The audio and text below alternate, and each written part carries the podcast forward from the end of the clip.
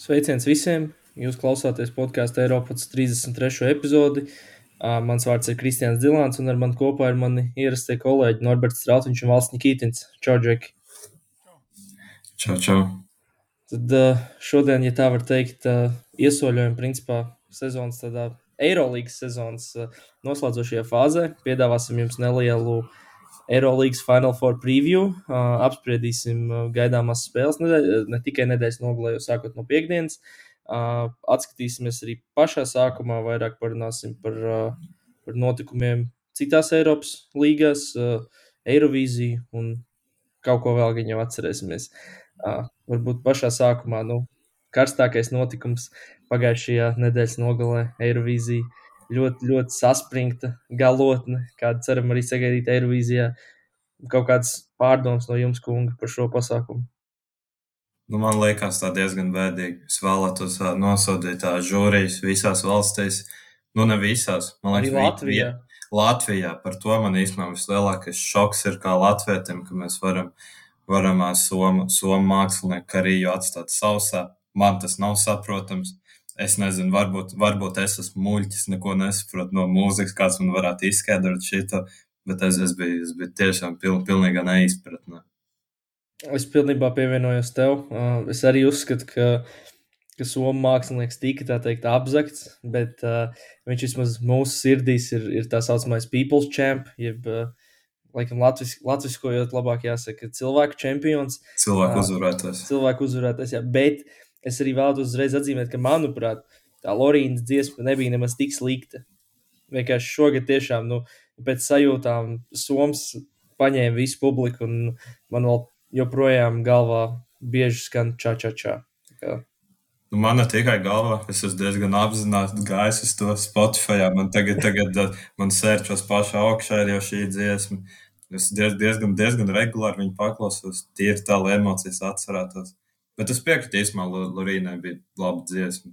Neko tādu īsti pārmetumu viņai vienkārši, es nezinu, publikai varēja just klātienē, man liekas, čačā ļoti aiziet. Jo tur publika ļoti baudīja. Klātienē noteikti daudz jaudīgāk, bet uh, par to Lorīnas dziesmu es īstenībā redzēju, ka uh, tā dziesma ir diezgan līdzīga kaut kādai vecai dziesmai no 2005. gada, tur Ukrainietis viens izpildījumā. Nu, būtībā melodija ir praktiski tā pati, tikai uh, nu, atšķirās par vienu oktāvu, tur, kurā oktāvā mākslinieki izpilda. Bet, nu, ir liels līdzības ar citiem gadiem, un uh, daži uzskata, ka tā dziesma ir daļai zakta. Bet man liekas, mūzikā vai tad nav kopumā vispār tā, ka nu, nekas jau jauns nav zem saules. Kā, nu, tur ir ierobežots skaits ar lietām, cik viņas var jaunas izdomāt. Kaut nu, kādas sorry, līdzības jau daudz kur var saskatīt. Čā, čā, čā, man bija kaut kas nedzirdēts. Man ļoti patīk. Nē, nē, bet es, es domāju, ka, man liekas, ja tu tā kā ļoti gribētu atrast, gan jau varētu atrast ar kaut ko ķīpu līdzības. Nē, es vienkārši domāju, ka tā zviedru popmūzikas mašinērija, ja tā var teikt, tomēr nu, viena no Zviedrijas jaudīgākajām eksporta precēm ar, ar visiem producentiem un visiem pārējiem, kas, kas ražo šo popmūziku. Es domāju, ka viņi Uh, viņi ļoti strādā pēc kaut kādām lietām, kas jau sev ir pierādījušas, kā, kā labas esam un kas jau darbojas. Ši, ja mēs samazinām līdz šīm lietām, kas jau darbojas un kas sev jau ir pierādījušas, tad iespējams viņas ir, ir vēl mazāk. Tā arī radās iespējams šādi daļēji plaģiāti, vai nu, kā kurš to uztver. Bet uh, tīri jā, tā kaut kā īsumā. Uh, varbūt kaut kādas citas dziesmas, kas, kas jūs uzrunāja. Man, piemēram, Mikls laikam vēl. Uh, poliet galvā skanēja. Man, tā, man īstenībā man patīk, man patīk Slovenija dziesma. Uh, nepatīk, ka īsti priekšnesums dziesma bija laba. Un, un arī īstenībā abas kaimiņu valsts dziesmas man likās labas. Kopumā. Jā, piekritīšu. piekritīšu. Godīgi man liekas labāk nekā Latvijā. Viņas Latvijas dziesmas patika. Un pelnīts arī bija finālā. Un, un gan jau vēl kaut kas, kas tagad, tagad no galvas izkritis. Nu, Izraela bija veltījusi dziesmu Kristapam Porziņam, kas man likās tā ļoti interesanti. Nu, es zināju, ka viņš ir globāli liela figūra un iespējams atpazīstamākais, atpazīstamākais Latvijas pasaulē, bet es negaidīju, ka par viņu dziedās Zvaigznes skatus. Uh, vēl es gribētu Austrāliju izcelt. Man vismaz patīk Austrālija. Uh, atgādina mazliet tādu tā iepriekšējā gadsimta mūziku, kuras fans lielā mērā arī esmu es. Un tad uh, jā, Austrālija ir tā valsts, ko es gribētu izcelt. Kāpēc viņi piedalās, es nezinu, bet uh, es esmu priecīgs, ka viņi piedalījās. Uh, viņiem, starp citu, beidzās līgums ar uh, Eirovīziju. Tā kā iespējams mēs viņus nākamgad vairs neredzēsim. Un, ja es nekļūdos, tad nākamgad atgriezīsies laikam Luksemburga nebija šogad un Ziemeļmaķedonija. Tur vēl kaut kādas ir. Man liekas, es godīgi neatceros. Piemēram, man, man liekas, Bulgārija nav. Bosniju es arī neatceros. Man liekas, tur īstenībā no tā gala ir, ir kaut kādas valstis, kuras nepiedalās. Un, un tā kā mums, mūsu šis podkāsts ir, ir par sportu, nu, precīzāk par basketbolu, tad man jāmin arī tas, ka, laikam, salīdzinot ar citām Eirovīzijām, šeit bija tāds, es teiktu, samērā liels sporta piesitiens, jo, piemēram, Dunkans Lorents izpildīja beigās dziesmu You'll Never, Never Walk Alone, kas ir Liverpools futbola kluba himna. Uh, Uh, un vēl bija Igauniem uh, rezultāts nosaucis Ragnars Klavans, kurš bija arī Liverpoolē spēlējis uh, aizsargs, man liekas, viņš bija centrs. Jā, šī, šīs divas lietas arī pamanīju. Tas, tas prieks, ka prieks, ka sajiet kopā, visas sports, mūzika, visas skaistās lietas dzīvē. Tas vienmēr patīk. Bet uh, jums varbūt ir kaut kādas idejas, kas mums ir jāizsūta uz Eirovīziju, lai, lai mēs uh, tur sasniegt kaut ko un uzvarēt. Jo, jo piemēram, ja, iespējams, šīs, šie izteicieni varbūt kāda aizskars, bet es gribētu teikt, ka mums varbūt Latvijā starp māksliniekiem, man prātā nenāk šobrīd, nav tādu īstu frīku, ja tā var teikt. Nē, nu, varbūt. Es nezinu. Man liekas, ka, kā, ja mēs kā, cita zēna bija tuvākais tam, ko mēs varam šobrīd aizsūtīt, un viņi arī netika nekur. Tāpēc, nē. Nē, es nezinu. Bet, uh, Malta bija pacentusies citu zēnu atsūtīt. Jā, tas, tas man liekas ļoti interesanti. Skaties to pusfinālu, un tad es īsti nesapratu domu apakšā šitam. Tā. Tur viņi tiešām neizcēlās ar īpaši radošu. Bija varbūt kāda dziesma, kas jums ļoti nepatika. Man laikam tā bija Serbija, man es īsti nesapratu tos uh, austrumnieciskos ritmus, ja tā var teikt. Man likās diezgan ok. Man patīk dziesmas sākums, bet uh, es gaidīju kaut kādu traku kulmināciju, un tādu tā arī nekad nesagaidīju. Tāpēc tāda bija viņa vilšanās dziesmas vidū, bet tā es domāju, ka bija normāli. Mm. Nē, tur ir, bija kaut kāds pāris garlaicīgs, bet tāda, kas man izteikti nepatīk, laikam, laikam tagad ne, nekrīt nevienu tādu reizi galvā. Jā. Labi, ir dodamies pie sporta sporta, bet ar, ar ko mēs varētu iesākt? Es gribētu pacelāt pāris tēmas, piemēram, Champions League Final Four skatījāties? Es Nē, īstenībā diezgan pamaz, jo tur vēl sākās ar, ja nemaldos, ar hokeja laiku un ar kaut ko vēl. Tur, tur man sanāca diezgan minimāli pasakot. Ok, es varu pateikt, priekšā Latvijas basketbols otro sezonu pēc kārtas zaudēja finālā. Bonu uzvarēja. Uh, Tomas Sīsalo, labākais treneris, TJ Shorts MVP. Uh, bijušais Vēnspilnieks, varbūt redzējāt, ko Bona izmantoja pusfinālā pret kādas taktikas viņi izmantoja pusfinālā pret tas, tas man liekas unikā. Tas, liek, tas neliekas pārāk, pārāk atbalstām, vismaz man personīgi. Es nezinu, tā kā tos, tos taimautus skatīties. Es sapratu spēli, skaties feedā, bet tos taimautus man liekas kaut kā, kaut kā nedaudz tā neetiski. Jo tā tomēr ir taimautu doma, lai treneri var kaut ko privāti pateikt spēlētājiem bez otras komandas, lai viņi nezinātu, ko tu saki. Un, un es nezinu, es noteikti neatbalstu. Es, es piekrītu, ka tas ir neētiski, bet atkal no, no otras puses tā iedomājos. Nu, nu, piemēram, kad mēs skatāmies timeouts, nu, nu, cik daudz tu kaut ko tur redzi, piemēram, no tā dēlīša. Vai arī viņi tur tajā pašā troksnī bija. Es neredzēju, tam asistentam bija austiņas vai nē, bet es ļoti šaubos, ka tu pilnā arēnā spēlējot pret mainiekiem, vari saklausīt no TV feeda, ko Ivons, Ivons Navarro uh, saka saviem padotiem, pie tam visticamāk spāniski viņš to teica. Kaut gan, ok, varētu būt arī angliski drīzāk, jo, jo viņa jau Kendriks Perijs un, un pārējie vēl nerunā. Uh, Vils Tomas un pārējie nerunā vēl uh, spāniski. Jā, bet man liekas, tas arī tur tā kā tur. Uh, ja tu esi ilgi, ilgstoši skautojis komandu, tas arī mainās. Jo, piemēram, es nezinu, piemēram, ja tas man piemērs no Eirolandes, Es nezinu, piemēram, Barcelonā timeouts, kur Šāras saka, we play four on, on the right, un Nikola. Tā kā es pieņemu, ka pretinieki ir izskautojuši, ko tas nozīmē, un viņi zina, kas tas ir.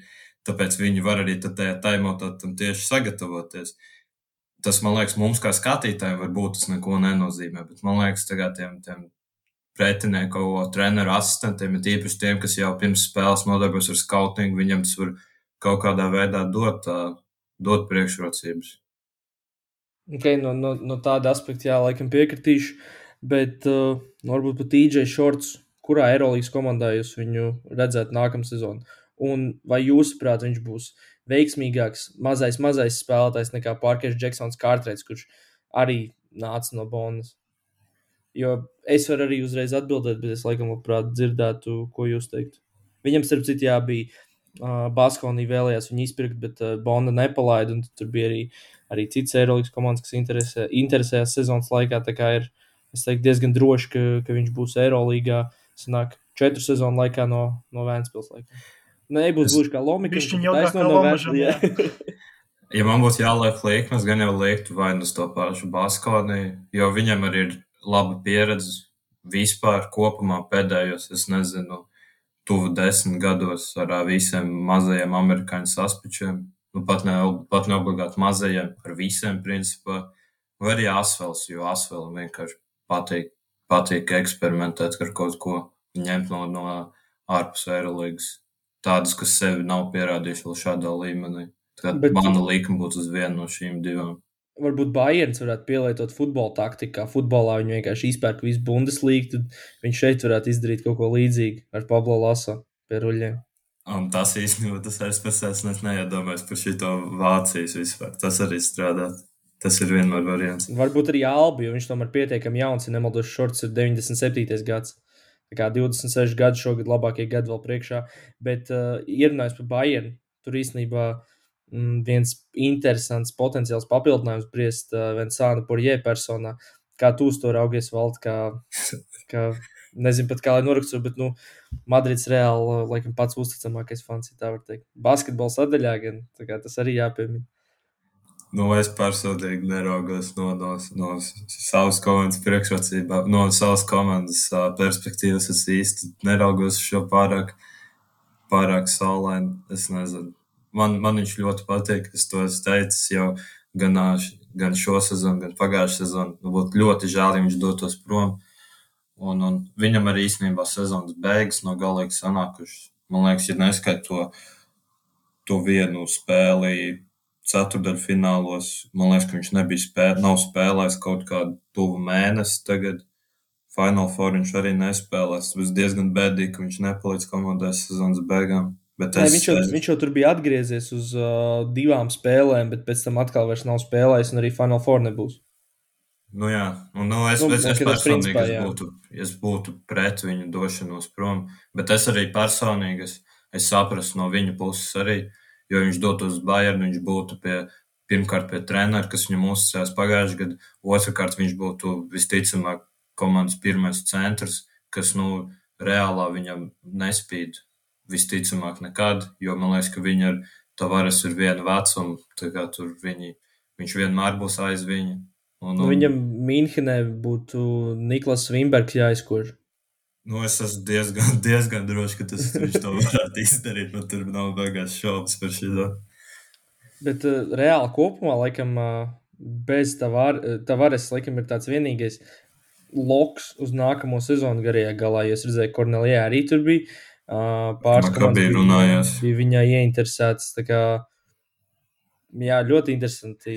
Nē, nu, Mams... tehniski jau tāpat jau sitais mūsu galvenais džudis. Viņam jau arī vēl liegums ir uz nākamajiem diviem, diviem vai varbūt pat vēl trīs gadiem. Viņam. Viņš pagarināja pagājušajā gadā, viņš, viņš parakstīja ilgtermiņu līgumu. Nu, labi, bet es, es, viņu, es viņu tāpat neskaitīju par garo spēlētāju. Nu, tā kā tu iedomājies par Jē vai Kornelijai. Nē, nē, tādā ziņā viņš sanāk vienīgais. Ir, jā. nu, tur es nezinu, ja godīgi tur īstenībā tur kaut ko viņam vajag domāt. Jo es arī saprotu, tiešām par ja viņš grib doties projām, jo viņam sezona nav šī tā, nav tik laba. Es tur gribētu treneru vainot, bet nu, es viņu jau visu laiku pie kaut kā vainoju, tāpēc es neko tādu neieslīgšu detaļās. Un uh, Kornelijai viņam arī kaut kā viņam nav aizgājis. Es nezinu, kas, jo viņš ļoti nestabils. Viņš ik pa laikam, ja viņš, ja viņš var samest trojkas, tad viņš ir ļoti labs. Bet viņam, es nezinu, aizsardzībā viņam ir problēmas vienmēr, un, un viņam kaut kā nav aizgājis. Un Antonius Randolfs izstāsta.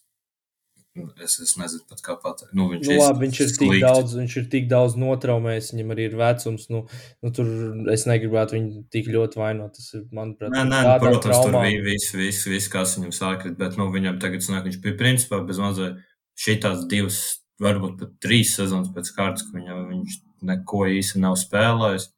Un, un viņam arī beidzas liegums, ja es nemaldos šovasar, un es īsti neredzu, kā viņu varētu pagarināt.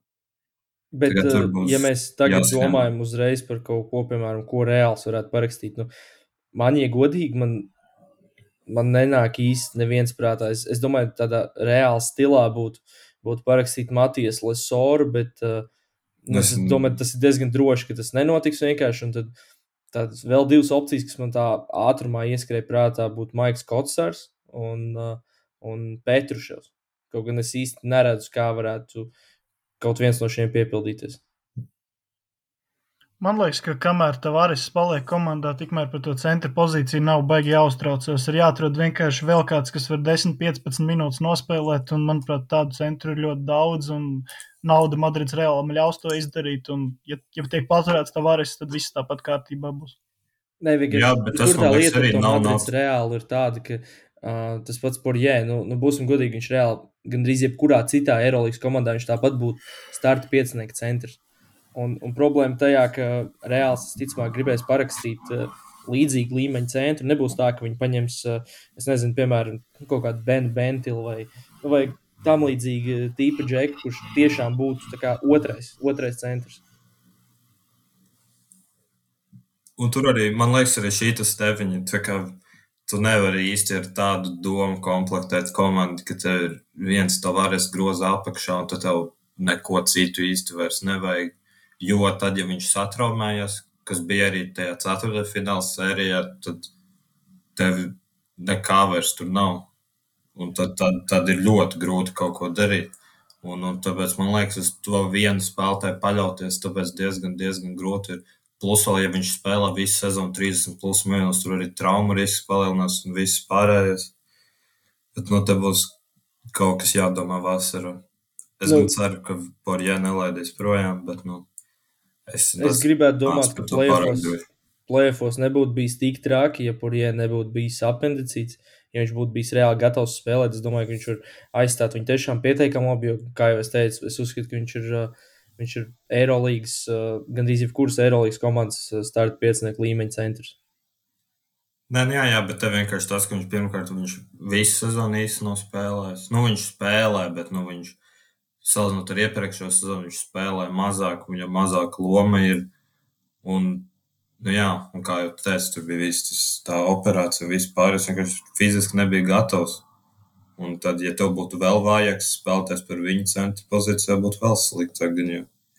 Nu, Es Tāpēc- domāju, ka, ja vairāk spēlēt, nu, tā kā, ja vājāks spēlētājs, tad, piemēram, var arī, nu, tā kā divus centrus paņemt, bet mazliet sliktāks par porjē. Jo es domāju, domāt par tām traumām, tev, protams, vajag tā kā mazliet padomāt, bet jebkurā gadījumā, ja tu zaudē komandas līderi, tad tas jebkurai komandai kā iesit lielu robu un, piemēram, ja veids Baldvins būtu notraumējies pirms playoffiem, tad, uh, nu, Makabī tā pozīcija uzreiz paliek tukša un, uh, nu, gandrīz jebkurai komandai, ja tu noņem līderi, tā pozīcija ir vai nu ļoti tukša vai mazliet tukšāka. Un tā vienkārši, nezinu, tikai tāpēc, ka kaut kas var notikt, tad nenormāli labu super centru otro ņemt. Es domāju, ka, nu, ka nevajag tur tik ļoti pārspīlēt. Var vienkārši viduvējus Eirolandes centrus paņemt un būs ok. Bet, uh, starp citu, tā kā reālam īstenībā arī patīk uh, ņemt spēlētājs, kas ir sev jau pierādījuši Spānijas līgā. Uh, es gribētu domāt, ka Aleksandrs Balcerovskis ir gatavs spērt soli uz augšu. Un uh, visticamāk, būs tā, ka Gran Canaria nespēlēs nākamajā sezonā Eirolandā. Tad uh, viņš būtu Eiropas komandas basketbols, viņam būtu iespēja spērt uh, nākamo soli karjerā. Manuprāt, Jā, Jā, vēl, ļoti ā, interesants džeks, kuram viņš arī ir pietiekami jauns, viņam varētu iedot ilgtermiņa līgumu, un, un viņam arī ir tas, kas Madrids reāli ļoti patīk, liels ķermenis. Arī jāsaka, citie paši ACB, Dragons Benders arī. Viņam, es neredzēju sezonas viņš beigām nav viņa centrs. Viņš nav centrs. Nu, nē, nē, bet viņš tāpat ir. Viņš garš. Kornelija aizvietotājs, būtu vairāk, es teiktu. Nu, jā, jā, es tā arī domāju. Tu, nu, tev jau vajag kaut kādas Nē, es domāju, tīri, tīri, tīri par centru. Es domāju, tīri par centru, kur kā reāli, kā, kā tiešām kā īstu centru parakstīt. Es domāju, ka viņi turpinās līdzīgā stilā komplektēties, kā viņi to darījuši joprojām. Nu, kā darījuši to iepriekš. Kas notiek, ja gan arī uh, nespēlē Eirolandā, tad uh, Turka telekoms dabūtu to ceļzīmi, vai kas notiek? Nē, es saprotu, ka dos Valencijai. Tad vienkārši, principā, ja, ja Gran Canaria atsakās, tad izskatās, ka mums būs uh, tieši tāds pašs komandas, kā, kā šogad bija. Uh, ja viņi neatsakās, tad vienkārši šobrīd viss iet uz to, ka Valencijas, uh, nevis šobrīd viss iet uz to, ka tā būs, bet, uh, ja vienkārši, ja, ja Gran Canaria neatsakās, tad vienkārši viņi samainās vietām ar Valenciju. Un uh, jūlijā kaut kad būs tas uh, lielais kaut kāds kongress, kur, kur tad viss būs uh, skaidrs, kas piedalīsies. Es īstenībā, man jums jautājums, kāpēc jūs, prāt, viņi atsakās? Es nezinu, jo man īsti tas nav, nav skaidrs. Es domāju, ka viņi ar to komandu, kas viņam tagad ir, viņi būtu konkurētspējīgi. Ne jau komanda, tīri loģistika un, uh, un, un finanses. Jo nu, ir atšķirība, cik senāk Eiropasā ir 9 izbraukumi, Eirolandā nu, tev ir 17 izbraukumi. Nu, jā, bet labi, varbūt. Es nu, tas, ir, tas ir no Kanārijām. Nu, tas ir viņiem tiešām. Es, es brīnos, kā tajās salās var divas komandas. Es nezinu, kas tur ir īpašnieki, varbūt viņi vienkārši kaut kā sacenšas savā starpā. Jo tas abas komandas ir konkurētspējīgas. Lai gan uh, Kanārija, man liekas, paliek bez ACB plēsoņiem. Nē, viņi ir. ir. Abas ir? divas ir pat virs Valencijas. Valencija bez robežas. Val, jā, Valencija, Valencija nebūs, laikam, jā. Nē, Valencija beigās arī tiks, jo tur, es neatceros, Breogans sāka lažot, vai kaut kas tam līdzīgs tur bija. Es personīgi būtu par Kanārijām Eiroligā nākamajā sezonā. Tīri tā iemesla dēļ, ka es esmu vēlais putns, un cik es atceros, tad, kad Anģēns tur spēlēja, tad uh, viņi sāk mājas spēles citreiz 11. pēc Latvijas laika, ko es ļoti izbaudīju. Tas būtu kaut kas, kaut kas tāds bijis ne, neikdienišķāks. Uh, tas būtu interesanti, bet. Uh, man patīk, pat... ka viņam, man patīk, ka viņam formas izskatās. Es viņus ar uh, Valenciju lieku savā formu topā pirmajās divās vietās no, no principā visām kaut vai Eiropas komandām. Tas ļoti, ļoti liels fans. Vizuāli. Bet, bet labi, tas tā. Varam gan jau pie, pie basketbola pārēt pie. Mēs jau bijām tagad par basketbolu. Vienkārši mēs tā drusku aizplūdām no, no Champions League, tikām līdz, līdz Eirolangai un, un Gran Canarijai. uh, bet uh, nu vēl viena lieta, kas ir notikusi, ir, uh, ir bijusi NBA draft loterija. Ir noskaidrojies tas, ka Viktors Vembaņāms spēlēs San Antonio Spurs. Un uh, tie, kas saka, ka, ka viņš tur nav izvēlēts un ka, ka nekas tāds vēl nav noticis, nu, protams, vienmēr pastāv kaut kāds ļoti, ļoti mazs procents, bet nu, es tiešām gribētu teikt, ka pat aklajiem, kurliem, mēmajiem, pilnīgi jebkuram ir skaidrs, ka, ka Viktors būs uh, San Antonio basketbolists. Varbūt pirmo piku notreidot pret kādu jau esošu spēlētāju. Nu, labi, es saprotu, tas nenotiks. Es vienkārši tā iedomājos. Ok, pret ko jūs treidotu uh, Viktoru šobrīd? Jo es tieši šodien redzēju Twitterī ļoti interesantu aptauju. Uh, kas, jūsuprāt, ir, uh, ir labāks asets? Šā, uh, šā gada drafta pirmais piks vai šeit Gilģis Aleksandrs šobrīd? šā gada drafts pirmais pieks. Jo tur bija, tur bija ļoti līdzīgi. Bija 55 pret 45 par labu Viktoram. Es noteikti par draftās. Es arī par Viktoru. Es atceros vienu cilvēku, kuram nav skaidrs, ka Viktors būs pirmais piks. Tas ir Skūts Hendersons. Es arī šodien Twitterī redzēju to, ka ka, ka viņš pats ir izteicies, ka viņš ir eh, gatavākais spēlētājs. Tur, un, un viņš kas, teica, ka kas... ir tas suns viņā. viņā jā, jā, protams, jā, jā, jā, bet eh, ka tik beigās nesanāk tā, ka pats skūts nav, uh, nav uh, otra, otrais beigās. Nu, pat trešais, ka, ka tik, viņš nav beigās, jo uh, es papētīju nedaudz, uh, ja nemaldos, uh, Leonards Millers uh, un arī tie brāļi Thompsoni. Bet, ar tiem brāļiem Thompsoniem ļoti interesanta lieta ir uh, tāda, ka principā viņi būs uh, loterija pīki. Pēc tā, kad viņi sezonu ir aizvadījuši kopā ar uh, principā, nepilngadīgiem vidusskolēniem, spēlējot kopā tajā overtime līdz brigādē. Tad, uh, cik es diezgan, diezgan dziļi esmu tajā draft Twitterī, un tad uh, tur sanāk palasīt to, ka, ka šis ir tāds tā kā, nebijis gadījums, kur, kur tiešām ir ļoti, ļoti grūti izvērtēt. Uh, teiksim, viņa potenciālu, jo, jo bieži vien gadās redzēt viņus spēlējot vēl principā pret bērniem. Uh, un tas uh, Millers cik es papētīju, tiešām izskatās ļoti iespaidīgi. Bet nu, to laikam var attiecināt pirms katra drafta uz, uz, uz, uh, uz katru drafta kādiem pirmiem pikiem. Bet vēl īstenībā par Vembi. Kā jums patīk tas fits ar San Antonio? Kā jūs, protams, tur iedrēsies? Jautājums, Gregs Popovičs paliks vai nē, jo visu laiku runā, ka viņš varētu retairot, bet varbūt tagad, šis kaut kā izmaina visu. Paliks, es domāju, es domāju ka tagad viņš paliks. Tas šī tā teikt, ka tev, es pat nezinu, kā lai es to salīdzinu, ka tev darbā iedod trīsreiz lielāku ofisu, tas neizreiz no viņa projām. Bet tā, nu, es nezinu īsti, vai viņi varēs uzvarēt kaut ko pirmo, pirmos gadus. Pirmos es pat nezinu, cik, jo man liekas, ka viņam komandā īsti nekā cita īpaši spīdoša nav. Viņš soda metiena eksperts eh, no Polijas. Nu, viņš tagad, tagad viņš jau beigās jau ir ok, bet, bet nu, tur kaut ko noteikti, kaut ko vajadzēs piemest klāt bēšiņu. Tie ir tā ķipa, lai es nezinu. Nu, ja, mēs, ja mēs runājam par, par tādu ugunskura terminoloģiju, tad es domāju, ka Viktors ir tā pagala, kas uh, tā palīdz arī tās citas piemest klāt. Jā, bet paies laiks, kamēr ugunskurs aizdegsies. Pirmais Plus, gads tur nekā nebūs, otrajā tad, nu, tad pamazām kaut kā jau. Plus Teksas ir, ir pietiekami liels tirgus. Es katrā ziņā domāju, ka tas ir krietni labāk nekā, piemēram, ja viņš būtu tādā Detroitā. Ja viņš, nu, ja es nezinu, kaut kāds diezgan, diezgan liels antipātijas par Detroitu, man liekas, viņi tiek pieminēti kā sliktais piemērs jau kaut kādu vismaz piekto reizi. Es godīgi domāju, ka, ka Detroit, Detroit ir pati sliktākā organizācija NBA. Tiešām Nē, pati Šarlotas, liekas, Šarlotas sūdīgākā organizācija. Bet Detroitē vēl līdz valkās tas, ka tā pilsēta jau kaut kādus, man liekas, gadus 20 ir, ir kādā ekonomiskajā pagrimumā, tur kā tā ir motoru pilsēta, tur visi tie lielie General Motors, Ford un viss tur, man liekas, aizgājuši no tās pilsētas prom ir, un, un tur ir uh, nenormālākā noziedzība, cik es atceros, ka es kaut kad skatījos. Detroit tiešām, man liekas, tas baigais, baigais pagrimums Amerikā. Runājot par noziedzību, sveicam Džamu Rantam. Viņš ah. ir uh, nedēļas lielākais malacis. Viņu mēs varam apsveikt. Gada iespējams. Gada arī mēs varam viņu tiešām apsveikt ar šo baldu. Tiešām gada malacis. Es, es, es, es godīgi, es neesmu sapratis, kāpēc kāds cilvēks gribētu tik mērķiecīgi pats sačakarēt savu karjeru, bet viņš to dara tiešām ar, ar tādu dedikāciju, ko es novēlu pilnībā jebkuram cilvēkam dzīvē. Viņam pat tas čoms, tas, kas filmē to, lai viņš pat nebija tik stulbs, uzreiz, kad džā izvilka to stroķi bez tēmā mašīnā sēžot, viņš uzreiz to kameru noņēma no viņa nost, bet viņš viņa nepaspēja, jo džā tomēr viņam ātrākas rokas bija. Es tam citu to laivu skatījās tikai 115 cilvēki. Tikai un vienīgi. Bet, nu, bet mūsdienās jau tā ir. Nu, jā, daudz Alisai Haimai arī pietika ar Close Friends.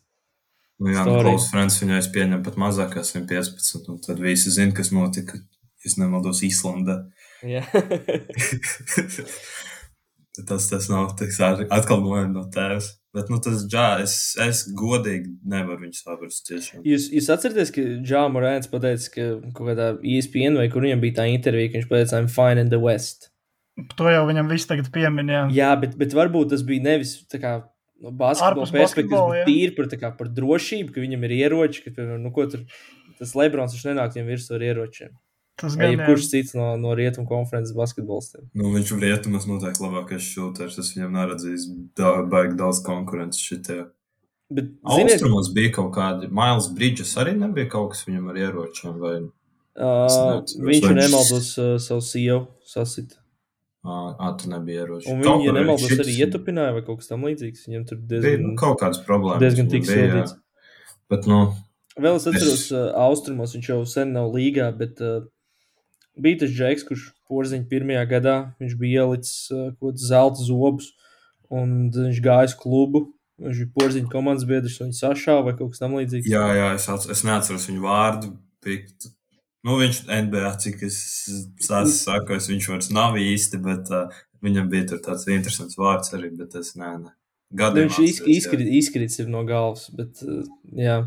Um, ah, bet vēl, kas man liekas tādā ziņā vistrakākais par to džā, ka, piemēram, NBA ir, ir krietni vairāk uh, citu basketbolistu, kas ir, kas ir tiešām, nu, tādi reāli gangsteri. Tur, cik nav redzēts, ka tur, piemēram, uh, Demārs Derozens un, uh, un, un Džons Vols patiesībā tur ir vai nu blados, vai kripos, vai, vai kaut kas tamlīdzīgs. Tur šis Dežonte Marējs tur nāk arī no kaut kāda baigā hūda, vēl kaut ko. Un, uh, ok, Dežonte arī tur vasarā mētā baigo gangsteru un tā tālāk pret, pret rūkījiem, uh, pikapos un tā tālāk, bet uh, ka pat neviens no viņiem neaiziet tik tālu, cik uh, aiziet Džeks, kurš, kā es saprotu, ir uzaugusi pilnīgi normālā ģimenē un, un viņš ir bijis cik vien tālu no hūda iespējams ir būt, tik viņš tālu arī ir bijis. Un ka, ka viņš, ir, uh, viņš reāli pats izvēlās uh, šo ceļu pilnībā. Nav tā, ka viņš, ir, ka viņš tiešām ir uzaugusi hūdā un ka viņam ir, ir bijušas kaut kādas problēmas, un ka viņš ir visapkārt uh, bijis ieročiem un tā tālāk uzaugot. Tā ir reāli vienkārši viņam tas liekas stilīgi. Un, un tāpēc viņš, viņš iet šo ceļu. Tas, tas, man, tas man visvairāk izbrīna. Nu, Džā ir malacis. Par to tiešām varam viņu uzslavēt. Viņš tiešām karjeru veido tik gudri kā neviens cits. Un, un tiešām apsveicam viņu. Bet tad gan jau pie Eirolandes dodamies, vai, vai vēl kaut kas pirms tam? Nē, nu jāapsveic Vēfrīga ar uh, desmito čempionu titulu. Jā, basketbols Mazīnas Bruks ar, ar skīnas dziedāšanu un jaunu tetovējumu arī jāapsveic. Kurš Jā. ir, nav, nav Latvijas karoga, viņš uztuvēja, man liekas, vai bija kaut Jā, kas tāds. ar diviem tūres. kausiem. Jā. Jā. Jā, Tā kā visu cieņu viņam. viņam Vi- visticamāk pēdējā sezona VF. Viņam arī Rosols garšo.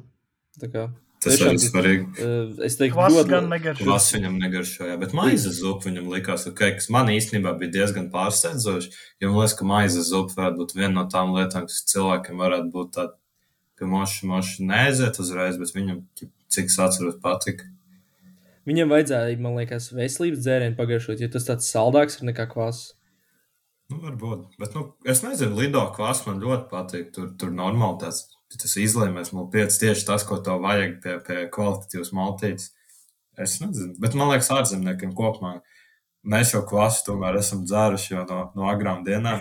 Varbūt, varbūt ja tu, ja tu garš kāpiņš no pieraduši, tad sāk kaut kādos 20 plus gados viņu dzērt, tad var, varbūt es redzu, ka, ka, ka var, var neaiziet. Jā, nu, jā, viņš tieši šodien parādījās ziņas, ka par Brooks interesējās Stambuls Galtasarai un, un Malagas Unikā, kas man liekas ļoti interesanti, jo tas būtu tāds, nu, paši redzam, kāds ir Malagai sastāvs šajā sezonā, kas ir, kas ir Galtasarai, Galtasarai spēlējuši, kas Galtasarai šobrīd trenē un trenē iepriekš. ā, Manuprāt, tas būtu ļoti liels lēciens. ā, Un cik saprotu, tad arī tas, izpir tas izpirkums ne tuvu nav liels. Uh, protams, kā Eiropas basketbolam, tāpat viņš ir pietiekami, pietiekami liels, bet es domāju, šiem klubiem tie 50 tūkstoši nav, nav pilnīgi nekas. Uh, tā kā jā, diemžēl. Malagai, pašiem šobrīd jau nebija. Viņam bija Jankubas Sīma, bija noteikti. Man liekas, ka viņam vēl ir līgums. Tad. Kuba Sīma nav vairs Venecijā tagad, vai kur viņš ir? Nē, nē, man liekas, ka viņš bija Malagā. Tā ir tā jātaisa īsais, bet cik es atceros. Un man liekas, ka Augusto Lima arī bija Malagā. Augusto Lim nav malgā taču. Es zinu, ka tur bija uh, Dilans Ositkovs, kas bija, bet, viņ, bet viņš arī nav tā kā tīrs centrs. Viņš bija par viņu Bayerns, man liekas, interesējās. Uh, tur bija vēl kaut kas. Tur jāapskatās. Bet nu, tur uh, priek, prieks, ka par VF, ka ir uh, uzaudzināts šādu spēlētāju. Nu, labi, cik nu Cik uzaudzināts. nu viņš uzaudzināts, Pārspēlēts, jā, nu, palīdzējuši, palīdzējuši viņam karjerā un aizbraukt no VF, piemēram, uz, uz, uz jebkuru no šīm komandām. Tas ir, manuprāt, pilnīgs kosmos, jo es godīgi neatceros, ka no VF kāds būtu uz kaut kādām tik labām aizbraucis. Man liekas, no VF pat taisno labākais, ko es atceros, ir tā, kad uz Bilbao aizbrauc. Uh, Dairis Bērtons. Es vairs neatceros, man liekas, kaut kādas līdzi, līdzīgi liels lēciens. Cik laba Parīze bija tad, kad Kails Almans uz turieni pārgāja? Nebija tas labi. nu, nē, Tad vēl tur- nebija labi? Nē, ne jau varbūt uh, bet tas, cik tā komanda ir laba, vairāk tas vienkārši, cik tas projekts ir ambiciozs. Jā, Jā, tas vairāk es teiktu. nu, ok. Bet, Man nu, jā, tā- ka jau Augusto Līmenī nav spēlējis, kopš viņš notraumējas līdz sezonas beigām. Ah, Okay. Tā kā viņi jau viņu nepagarinās, es tā pieļauju. Ah, nu vēl Deivids Krāvišs tur vēl bija arī. Nu, jā, bet labi īstenībā šitām, šitām lielajām ACB komandām tas jau plus mīnus standarts, ka viņiem plaši sastāv. Tāpēc vēl it īpaši spēlē vairākos turnīros, gan jau, gan jau nebūs problēma ar spēļu praksi. Ok, es apskatu, ja klubs simt sāka Venecijā šo sezonu pareizi, jā. Tā, nu, Eirolīga beidzot. Gan jau, jā.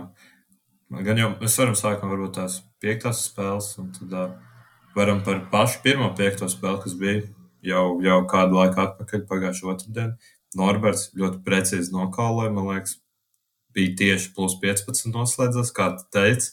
Man liekas, ka nebija beigās 15, bet nu, visu laiku nu, ap to starpību bez intrigas. Es godīgi tur negaidīju. Ļoti garlaicīgi vienkārši. Otrajā ceturtajā, nemaldos, bija tas arī tie, tas, bija tas 15 punktu izrāviens, un ar to arī viss beidzās. Principā, jā. Tur bija tas plakāts, kur uh, bija salīdzinoši sīva spēle, un tad Kostas Lukas iemet tādu diezgan sarežģītu tālu no kreisā 45 pāri rokām. Un tā jau tur Makisiks ielika vēl vienu trīnieku, un tad jau aizgāja pārsvars. Un nu, vispār maču varonis un arī sērijas varonis Kostas Lukas. Arī trešajā ceturdaļā viņš laikam vienkārši spāņu pikantrola spēlē, ka Vezenkovs nāk tā kā no apakšas un liek bloku. Un, uh, Nu, Fenerbahčs vienkārši nezina, ko darīt, mainīties, nemainīties. Un tad pilnā tempā uh, Kostas Lukas ieskrienās uz groza savu kreiso roku un vairākas reizes vien dabūs sodu vai metienu no apakšas. Un, uh, nu, to, to Feners nekādīgi nevarēja saschēmot, kā nosakt, un tad jau starpība bija pietiekami liela. Un, uh, kā jau es prognozēju, bez intrigas Olimpijākas uz Final Four. Bet, nu, man liekas, te tā palielot nav īsti daudz, ko schēmot zaudējumu iemesls Fenerbahčs arī, jo uh, Marko Guduričs uz, ma, jā, viņš uzmet, uh, ja nemaldos, viņš pats uzmet 8, 12 trojkas. Ja Jā, tagad ne, Astoņi nebija tālu dapiņu, bija. jā, un pārējā komanda 0,15. Tā kā Tur, man liekas, nav, nav īpaši daudz ko schēmot, kāpēc tad zaudēja. Tev viens spēlētājs var trojkas iemest. Tad diez, diezgan pagrūti modernajā basketbolā kaut ko uzvarēt.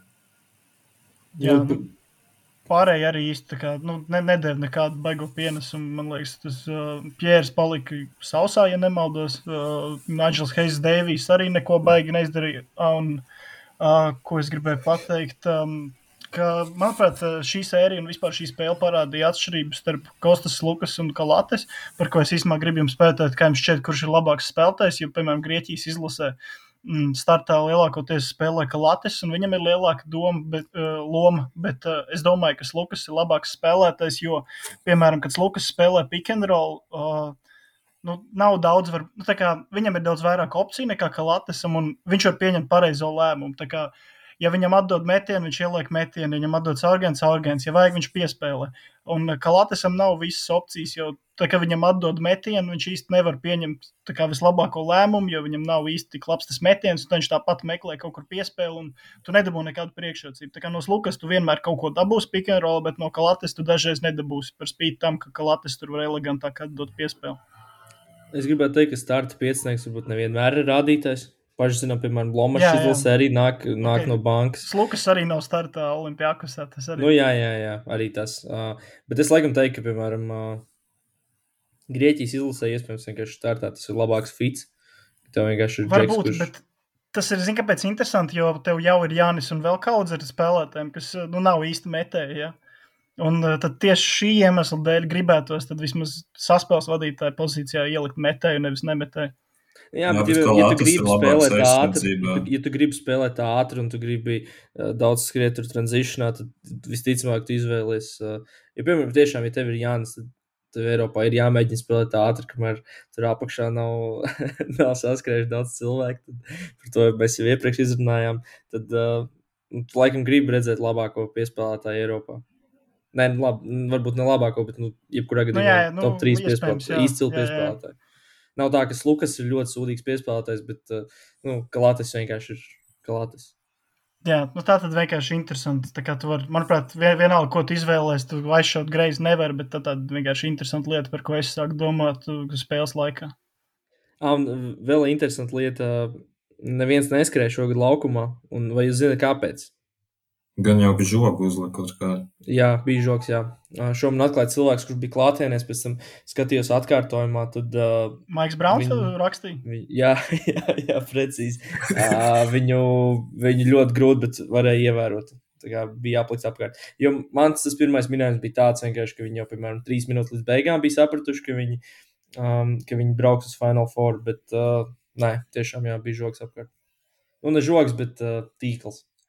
Man arī kaut kā likās, ka tā piektā spēle pret Monako man toreiz likās emocionālāka nekā šī tā gan spēlētājiem, gan faniem. Nu, tur Tāpēc... bija galotne. Jā, jā, te īsti nebija tāda galotne, tāpēc varbūt tu neesi tik motivēts skriet laukumā. Plus vēl pirms pagājušā gada es neatceros, kad viņi pēdējo reizi bija Final Four. Tagad, pirm, šogad bija tā, ka viņi pirmkārt jau bija pagājušajā gadā bijuši, un otrkārt tas, ka tas no viņiem tika jau kā bez maz vai tā bija pašsaprotama lieta, ka viņi tiks.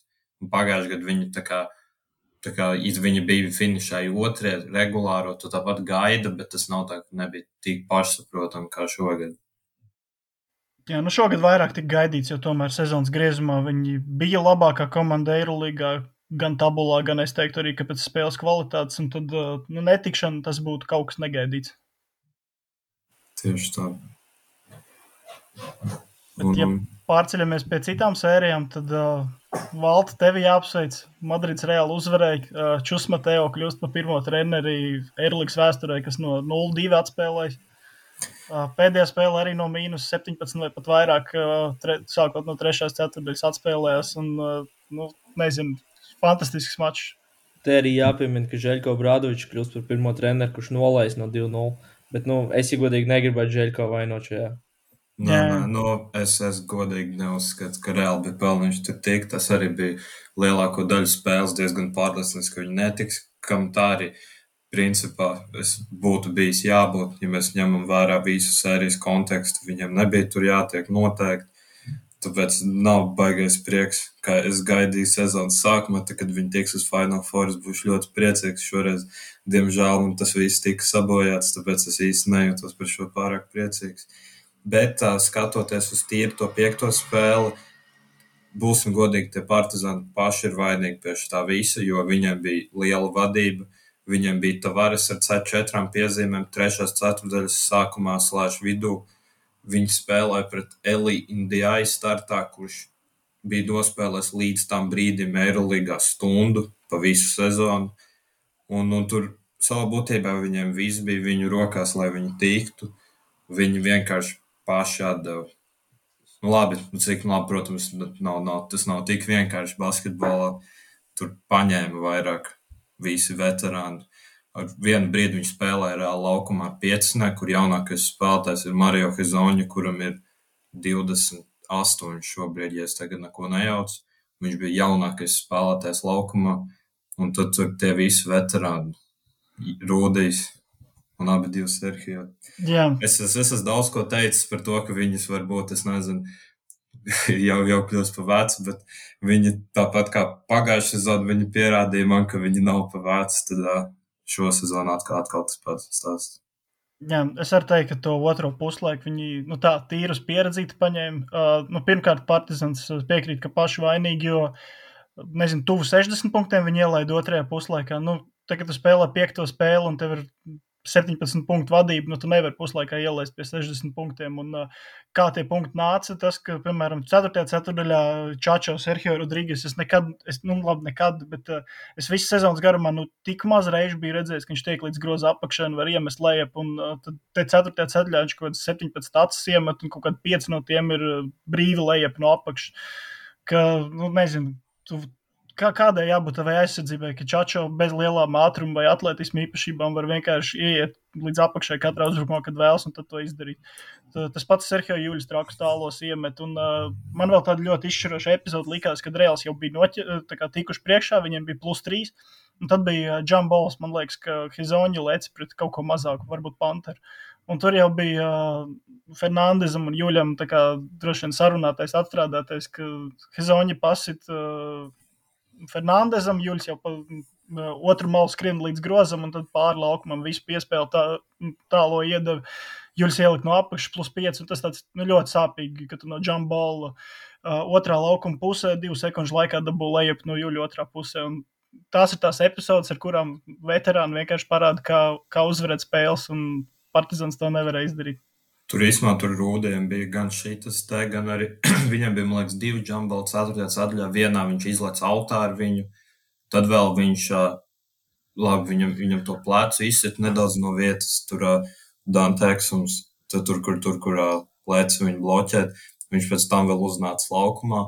Un vēl kas bija nereāli svarīgi, bija, tā, kad, man liekas, bija palikusi spēlē, ja nemaldos, tagad minūte, un bija reāli uzbrukums, tad Rūdīs dabūja vienu uzbrukumu bumbu, un tad bija gandrīz tā vēl viena. Tur, kur, tur, kur viņi skatījās to rīplai nereāli ilgi uz to, tur, kur Kazoņa bija jautā. Un šis te ir tas, ko es nezinu, varbūt partizāni. partizāni. Es pat īsti, es īsti nesaprotu, kā var tā būt, ka, piemēram, reāli ir laukumā, teiksim, Čačo, Juļs, Musa un apakšā Tavares ar četrām piezīmēm. Un, un es īsti, es pie šāda tā krieviski sakot, pie šāda rasklada, es īsti nevaru saprast, kā tu vari uzbrukumā nemest katrā uzbrukumā grozu. Jo tur tā aizsardzība, viņa, viņa jau pēc definīcijas ir slikta, ja tev ir šā, šā, šāda situācija laukumā. Jā, bet es gribētu teikt, ka uzbrukums, nu, protams, kaut kādas epizodes viņi neizmantoja, bet uh, uzbrukums jau nebija problēma. Viņi tāpat 90 pār punktus iemet uh, visu laiku. Varēja, piemēram, es gribu Kevinu Panteru ļoti uzslavēt, kurš uh, vienkārši fantastisks. Eh, visas trīs sērijas spēles nospēlēja. Un, ja viņam iedotu Belgradā uzspēlēt vienu spēli, tad mm, kas zina, kas notika. Bet arī tagad, pēc eh, tā diskābeļa, viņš atgriezās piektajā spēlē, bija gatavs. Visus savus tālos met iekšā. Bija forša epizode, kad viņš pāri jūļam iemet, un viņi tur abi sasmaidījās 4. ceturdaļā. Un, Es teiktu, nu, ne jau uzbrukums bija problēma, arī otrajā puslaikā Partizans varēja iemest. Eh, vienkārši problēma, ka viņi nevarēja nosegt šos veterānus un visus pārējos. Jā, un varbūt viņam arī nospēlēja. Man liekas, Lasards arī dabūja relatīvi laicīgi jau četras piezīmes. Viņam bija arī jau trešajā, viņš dabūjies ja man tagad atmiņa neviļ. Nu, tad arī tev loģiski groza apakšā, viņš nevar būt tik aktīvs kā parasti un viss pārējais. Un, un, ko es vēl gribēju teikt? Jā, tomēr Elinda jā, jāuzslavē, ko es negaidīju. Es jau pirms spēles iegāju Twitterī, es redzēju, ka viņš ir startā. Es biju neizpratnē, ja, ja tā mēs godīgi runājam bet viņš pirmkārt viņš bija jaunu frizūru izveidojis sev korneros, kas nospēlē šoreiz pa labu. Un uh, viņš aizdeva, manuprāt, labu spēli, ja mēs ņemam vērā visu. Viņam fiziski gāja, gāja ļoti grūti, bet tas ir tas, tas kas tev ir sagaidāms. Ja to pretī nāk Lasorts, Ledais un tādi kungi. Bet tas te, ka viņš izstājās pietiekami ok un savus minūtes vismaz varēja nospēlēt. Vēl arī Hezoņa 4. numura pozīcijā labi aizpildīja dekam, tur bija tā trauma, un uh, arī vēl citiem gariem spēlētājiem traumas, un tad uh, Hezoņa bija diezgan solīts uh, 4. pozīcijā. Un uh, cits 4. pozīcijas spēlētājs, kurš, ja tu saki, ka tu esi nepārāk priecīgs par reālu uzvaru sērijā, tad uh, cits 4. pozīcijas spēlētājs, kurš bija ļoti priecīgs pēc spēles, spēlē gan nepiedalījās, bet tas ir Geršons Jabusēl, kurš skrēja laukumā un ārdījās, it kā viņš būtu titulu izcīnījis pats, nevis viņa komandas biedri. Un, nu, tā, tas man likās, eksams tur blakām, viņam staigā, viņš tur lēkā, priecājās. Nu, man nepatika. Nu, tas nē, tu tieši pretīgi skaties. Nu, nē, neadekvāti. Tu teici, ka, ka viņš būtu viens pats izcīnījis titulu. Es būšu godīgs, viņš bija galvenais reāli uzvaras kaldinātājs. Es, Jā, es, es tiešām, okay, tiešām šis ir atkal no sērijas, kā būtu, ja būtu, ja tur tantē būtu riteņi, būtu tramvajs un tā tālāk, bet es reāli neticu, ka bez kautiņa Partizāns būtu zaudējuši abas spēles Belgradā un pēc tam zaudējuši vēl piektos. Es neticu, ka būtu aizgājis sērija līdz piecām spēlēm. Protams, mēs to nekad neuzzināsim un, un nekad nepierādīsim, bet uh, es tiešām ticu, ka Jabusēl izmainīs sēriju. Es, es arī pilnībā piekrītu. Nu, ne tikai viņš tur jau vispār. Nē, no, okay, nu, it, it kā, teiksim, sāka, viss sākās tur ar, ar Jūļu un uh, Nu, it kā var teikt, ka Juļs visi iesāk un tā tālāk, bet uh, man liekas, jā. tas, tas jābasēls, jā. Es vienkārši teiktu, tas, ka Lesorta un Pantera tev noņēma, tas arī, un, un tu vairs nemaz negribēji uzvarēt trešo spēli, tad tas arī ir tas, kas trešo spēli tev vienkārši nav spēlētāji, un ceturtajā tev nav Pantera, un, nu, un viss pārējais eksums ar pustraumētas spēle un tam līdzīgi. Bet, nu, tad jābūt sēl, zin kā, tā kā basketbols arī savā ziņā tāds šahs, un tad, piemēram, ja tas šahā dažreiz, piemēram, vajag atdot laidni, lai uzvarētu spēli, tad jābūt sēl uztais kautiņu, atdod sevi pilnībā šim visam, un tas beigās nostrādā tavai komandai pa labu. Bet, uh, kas ir uh, priekš viņa pozitīvi, ir, ir tas, ka viņš jau nākamajā sezonā no pirmās kārtas varēs spēlēt. Pilnīgs kosmos. Man liekas, jā, arī pilnīgi Šausmas. absurds. Tā vienkārši. Es vēl arī, ja es nemaldos, tās kaut kādas tās neatkarīgās komitejas spriedumus, viņas nevar pārsūdzēt. Tāpēc tur arī bija, man liekas, vēl lielāks cepiens par to. Plus, kas man vēl, vēl tajā visā nesaprot, ka tas netika normāli izskaidrots. Piemēram, es īsti neredzēju nekur pasaulē, kā, kāpēc jābūt selam tikai piecas. Ir. Jo es, es, es te tiešām, mēs, es atceros, spēles dienā mēs lasījām tos noteikumus, un pats trakākais sos, ko tur dabūt, tad diskvalts uz četrām sezonām. Un es fiziski nevaru iedomāties, ko varētu izdarīt, lai to diskvalts uz četrām sezonām. Mums tas jājautā Rēnta kungam, bet es, es godīgi nezinu, ko tu varētu tādu izdarīt, ja par to ir piecas. Jā, Tas ir nu, š, jā, šo mēs jau runājām, bet tas tiešām joprojām liekas prātam neaptveram. Nu, labi, kādas būtu jūsu idejas? Nu, par ko. par Jabu Sēlu? Nu, ka, kas jāizdara, lai dabūtu diskābils četrām sezonām? Nā, Tur es jābūt nezinu. šajās laukumā. Es Man nezinu. arī liekas, ka Nē, nu, Tā jau varētu. Nē, nu tas ir fiziski. Es, ne, es nezinu. Jo arī toreiz, piemēram, mēs atceramies, kad bija NBA Melis un Depēlis, ka viņi gāja sīsties ar faniem tribīnēs. Man liekas, tur bija lielākais soskots 30 spēles, kas priekš uz Eirolandes mērogiem 30 spēles būtu plus nu, mīnus. gandrīz kaut kādas- sezona. Nu, kaut kādas, teiksim, 15 Eirolīgā. Ja mēs tā proporcionāli rēķinām. 40% no sezonas, piemēram. Jā, tad A, kas bija, kas bija Gilbertam ar Enesam, tad, kad viņš paņēma stroķi uz, uz ģērbtu, un tur bija viņam tas bijis ar Džavāris Kritentonu. Bet tur es, es neatceros, man liekas, tur gan jau arī bija kaut kāds, teiksim, es neatceros cipars, pieņem, tur nebija uz vairākām sezonām. Bet Nē, tas nē, bija, tas nebija cik es saprotu, tas vēl pat nebija, tas nebija oficiāls NBA sos, man liekas, tas, tas nebija ķipā komandas, tā kā iekšējais. Jā, bet Madrids reāli pilnīgi nevienam neienāca prātā, ka mēs arī varētu sev sodīt. Nē, šit, šitas man, ja godīgi, man vēl vairāk trācina. Viņš burtiski ACB vēl spēlē, tagad, nu, tad, come on. Tas vienkārši tā nedrīkst, tas nav adekvāti. Bet, nu, labi, man liekas, mēs paši to esam. Kas mums palika pēdējā piektā spēle Monako Makabī? Jā. Nu, Maiks tā- Dēms jāpiemina. Pirmais puslaiks, 19 punkti. 21. Man liekas, Pirmā bija 21. 21 beigās. Vi, viņš otrajā palika sausā, viņš arī pabeidza 21. Man liekas, Ah, ok. Ka viņš es- tik, tik viņš sabēra, tik arī, arī, arī viss beidzās. Jo es atceros, ka viņš samet tos pirmos 19, viņam jau bija pirmajās kaut kādās 13 vai moši 14 minūtes, viņš jau bija savāds 19. Un, un tu īstenībā kopumā komandas nereāli rezultātīvi spēlē spēles sākumā, kas, man liekas, nevajadzētu tā būt piektajās spēlēs, bet, nu, tā, tā, tā sanāk, skatītēm forši. Un, un pa lielo visu izšķīra Bonzijas Kolsons ar uh, Gerald Martinu. Bet tie bija sodi. Nē, nē, es piekrītu, tie bija sodi. Es, bet godīgi es par to, tur, kur bija Kolsonam, uh, ir- iedeva nesportisko. jā, bet es īsti es nezinu, kā, kurā, gad, kurā kādā situācijā tā ielikšana apakšā kļūst par nesportisko. Tā kā, kā tā ir, vai tā vienmēr ir nesportiskā, tad vai tā dažreiz ir parasts piezīme, dažreiz nesportiski. Jo es, es nezinu, kā tur ir kriteriji, kas to padara nesportiskāku. Jā, nu, tur man liekas, diezgan subjektīvi jāizlemj, cik ļoti bīstama ir tā epizode. Un, tā kā tur Jordans Lēns tiešām arī uzkrita virsū, pagriezt to potīti, pēc tam tur uh, gulēja. Tad uh, tas arī Tur var bija kā- uz priekšu tajā mētēnā. Tur jau nebija, nebija tā, ka viņam tā kā tik ļoti būtu uzlikts. Nu, jā, jā, tas tā, tā kā nav piemēram tā kā kāda tīšā rūpība tā kā no zādzes, jā, jo tur gan Lloyds, gan ā, aizsargs abi divi lec tur pusmetrus priekšu, un tad, ā, nu, tikai loģiski viņi sastāv. Tā kā, bet, nu, tā nav tā kā apzināta ā, vēlme tur notraumēt kādu, ja tev vienkārši slikta pozīcijas izvēle nepaveicās, un tas ir noteikuma pārkāpums, jā.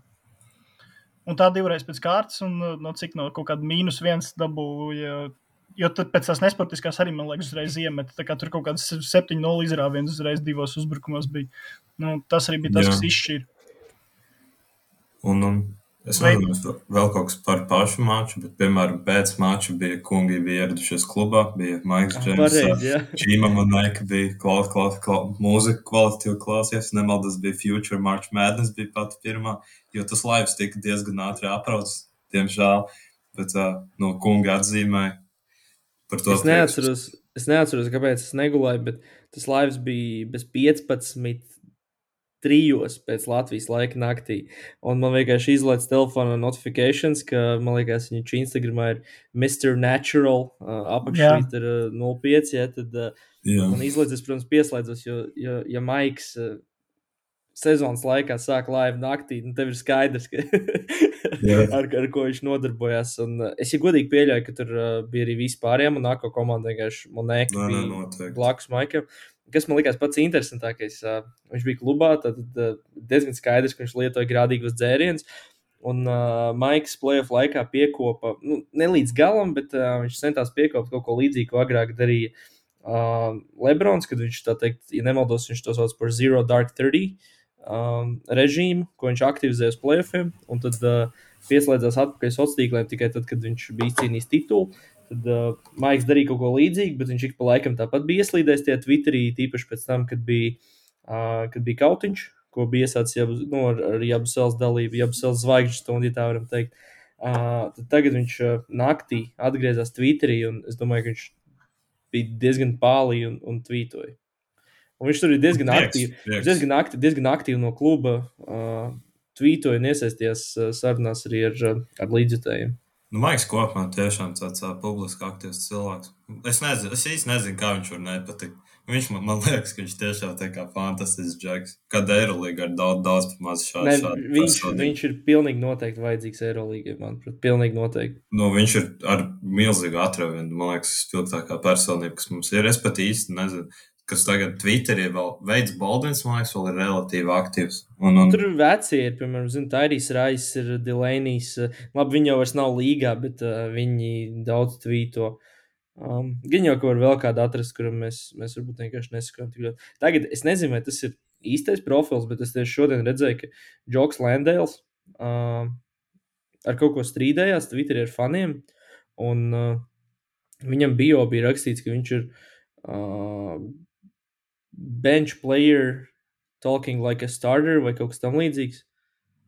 Tā kā es nezinu, vai tas ir īstais Džoks Landēls. Bet, nu, teorijā viņš ir, viņš ir bijis uh, Eirolandā un, un iespējams potenciāli varētu atgriezties. Jā, tā kā viņš īstenībā arī, piemēram, viens no tiem uh, kadriem, ko, manuprāt, Madrid varētu teorijā mēģināt atvilkt atpakaļ uz Eiropu.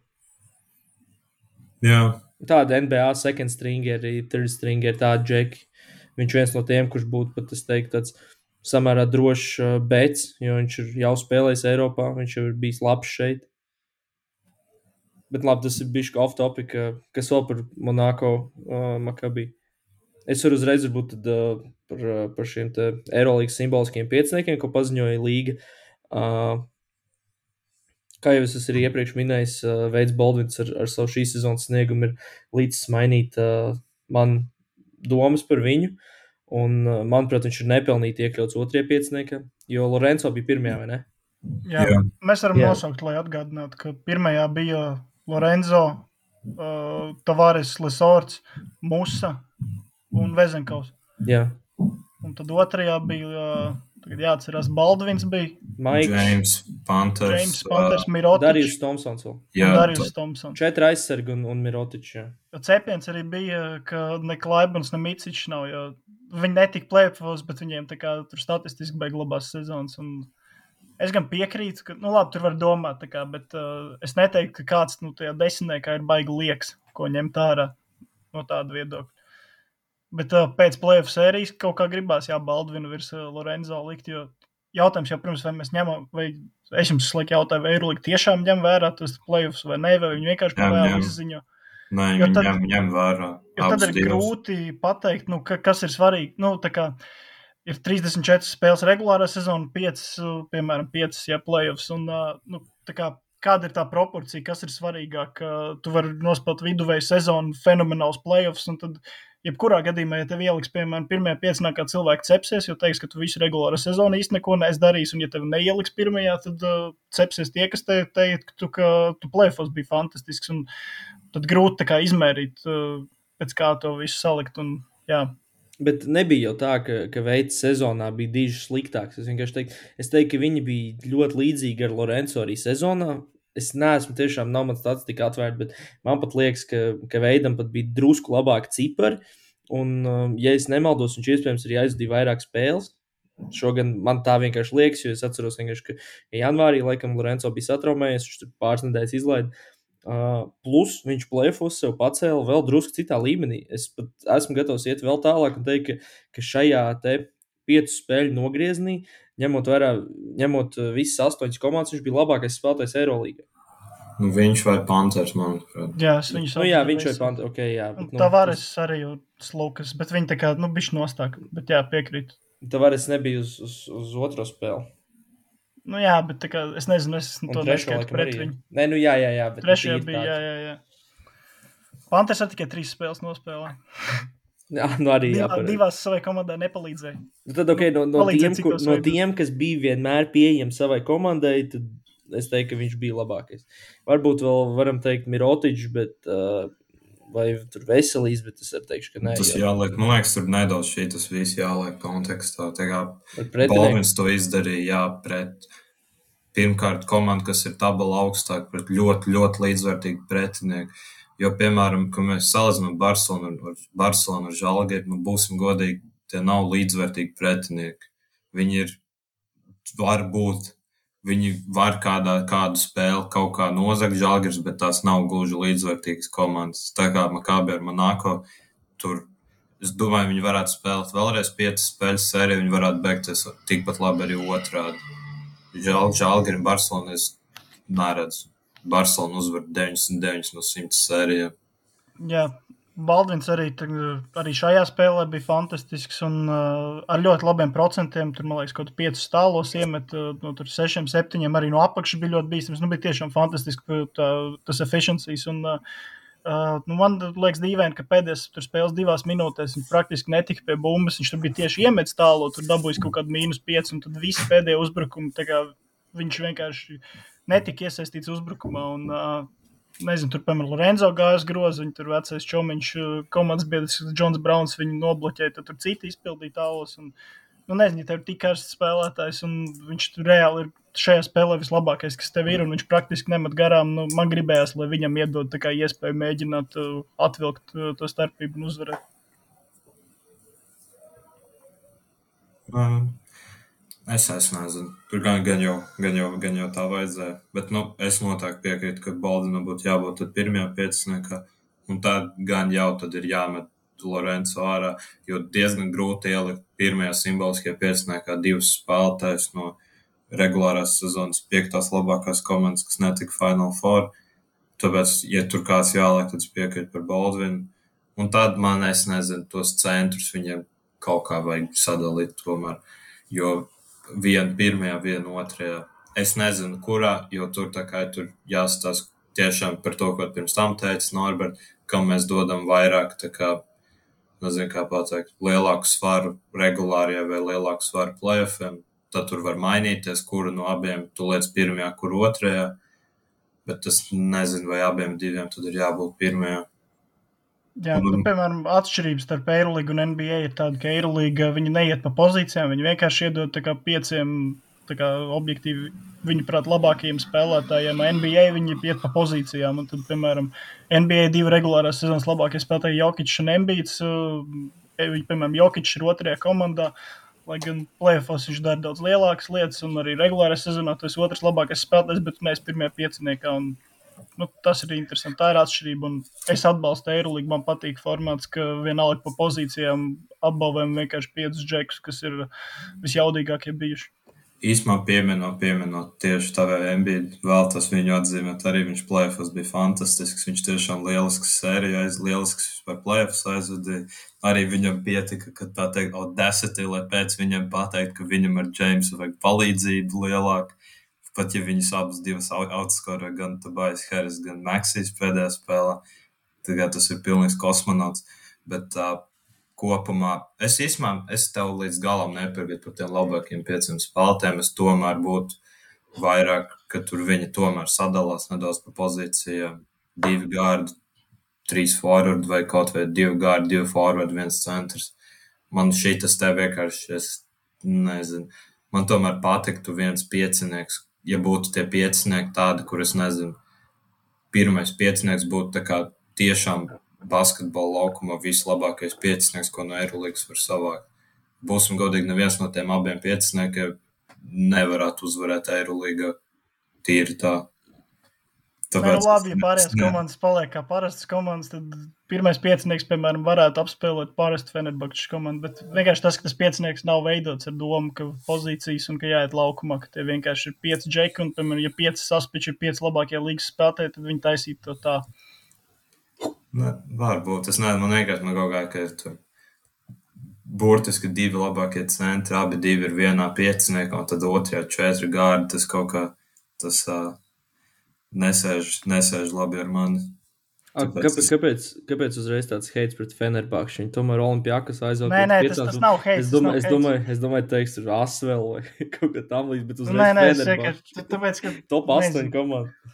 Tāpēc, kā Asvel var, sorry, jebkurš Eirolīgā uzvarēt, un it īpaši, ja tu piecus labākos līgas spēlētājus saliec, un Fenerbahču tas ir tāds, tā kā viņi nav top 4 komanda, bet viņi ir ļoti solīdi komanda, un tāpēc, tā kā, nezinu, tas tāds nav, nu, nav easy teiks, ja, vai nekas trāks, tas tāds pa vidam. Fenerbahču mm. īstenībā man pārsteidz, ka viņi tā kā visas sērijas garumā tik labi turējās pretī Olimpijākus un izrādīja pretestību. Bet varbūt piektajā spēlē nostrādā. Tā man jāpiemina viņš jau trešo raidījumu, bet tā Edvarda Rābis, ne, Edvarda Rābis neatzītās fiziskās bedres varbūt parādījās Dešonam Pjēram un Nigelam Heisam Devisam, kuriem bija milzīgs minūtes jāspēlē visu laiku. Varbūt beidzot tas nospēlēja lomu piektajā spēlē. Nu, ko ķeramies klāt kaut kādām prognozēm vai tādam nelielam uh, preview? Jā, Nu, mūsu kaunijā Final Four sagaida uh, El Clasico atkārtojums, starp citu, gluži kā pagājušajā gadā, uh, tāds deja vu moments. Tagad varbūt situācija ir tā kā tas, uh, nezinu, kā lai pasaka, momentum, mm, ar kuru komandas iet uz Final Four. Tas ir citādāks. Tur reālam nav Deiks, Jabusēli, par jē, vēl viss kaut kas, un viņiem ir bijuši tāda emocionālā trakā sērija. Barcelona tikmēr solīdi izskatījušies, vieglāk tādu ceturdaļfinālu. Uh, pretinieku dabūjuši un uh, pelnīt uzvarēšanu. Šāras būs mājās. Uh, es domāju, ka mainieki būs par Barcelonu. Kaut kāds atbalsts viņiem būs. Tā, tas tāds mans minējums. Es, protams, nu, nezinu. Tas būtu. Nē, nu tur jau Olimpijākas būs. Šo, es redzēju par 5000. Iespējams, viņai pat vairāk būs. Nezinu. Bet, uh, ja, es domāju, tur varētu būt 50-50 starpā vai nu vai kaut kāda neitrāla fani, kas nu nosacīta neitrāla fani, jo viņi atbalsta Barcelonu vai Olimpijākas fani, ko mēs arī zinām, nu, tad loģiski, viņi atbalstīs. Paga, Varam... Kāpēc 50-50? Kāpēc lai Leiša atbalstītu reāli? Mač, Jons Mačuls tur vairs sen nav. Nē, nē, nē, es domāju, tā kā arē, arēna, arēna, sadal, arēna sadalīsies, kā, jo tur jau tev, tev ir biļets uz visām spēlēm, un tad, es nezinu, otra, kaut gan nē, īsumā visi būs pēc reāli.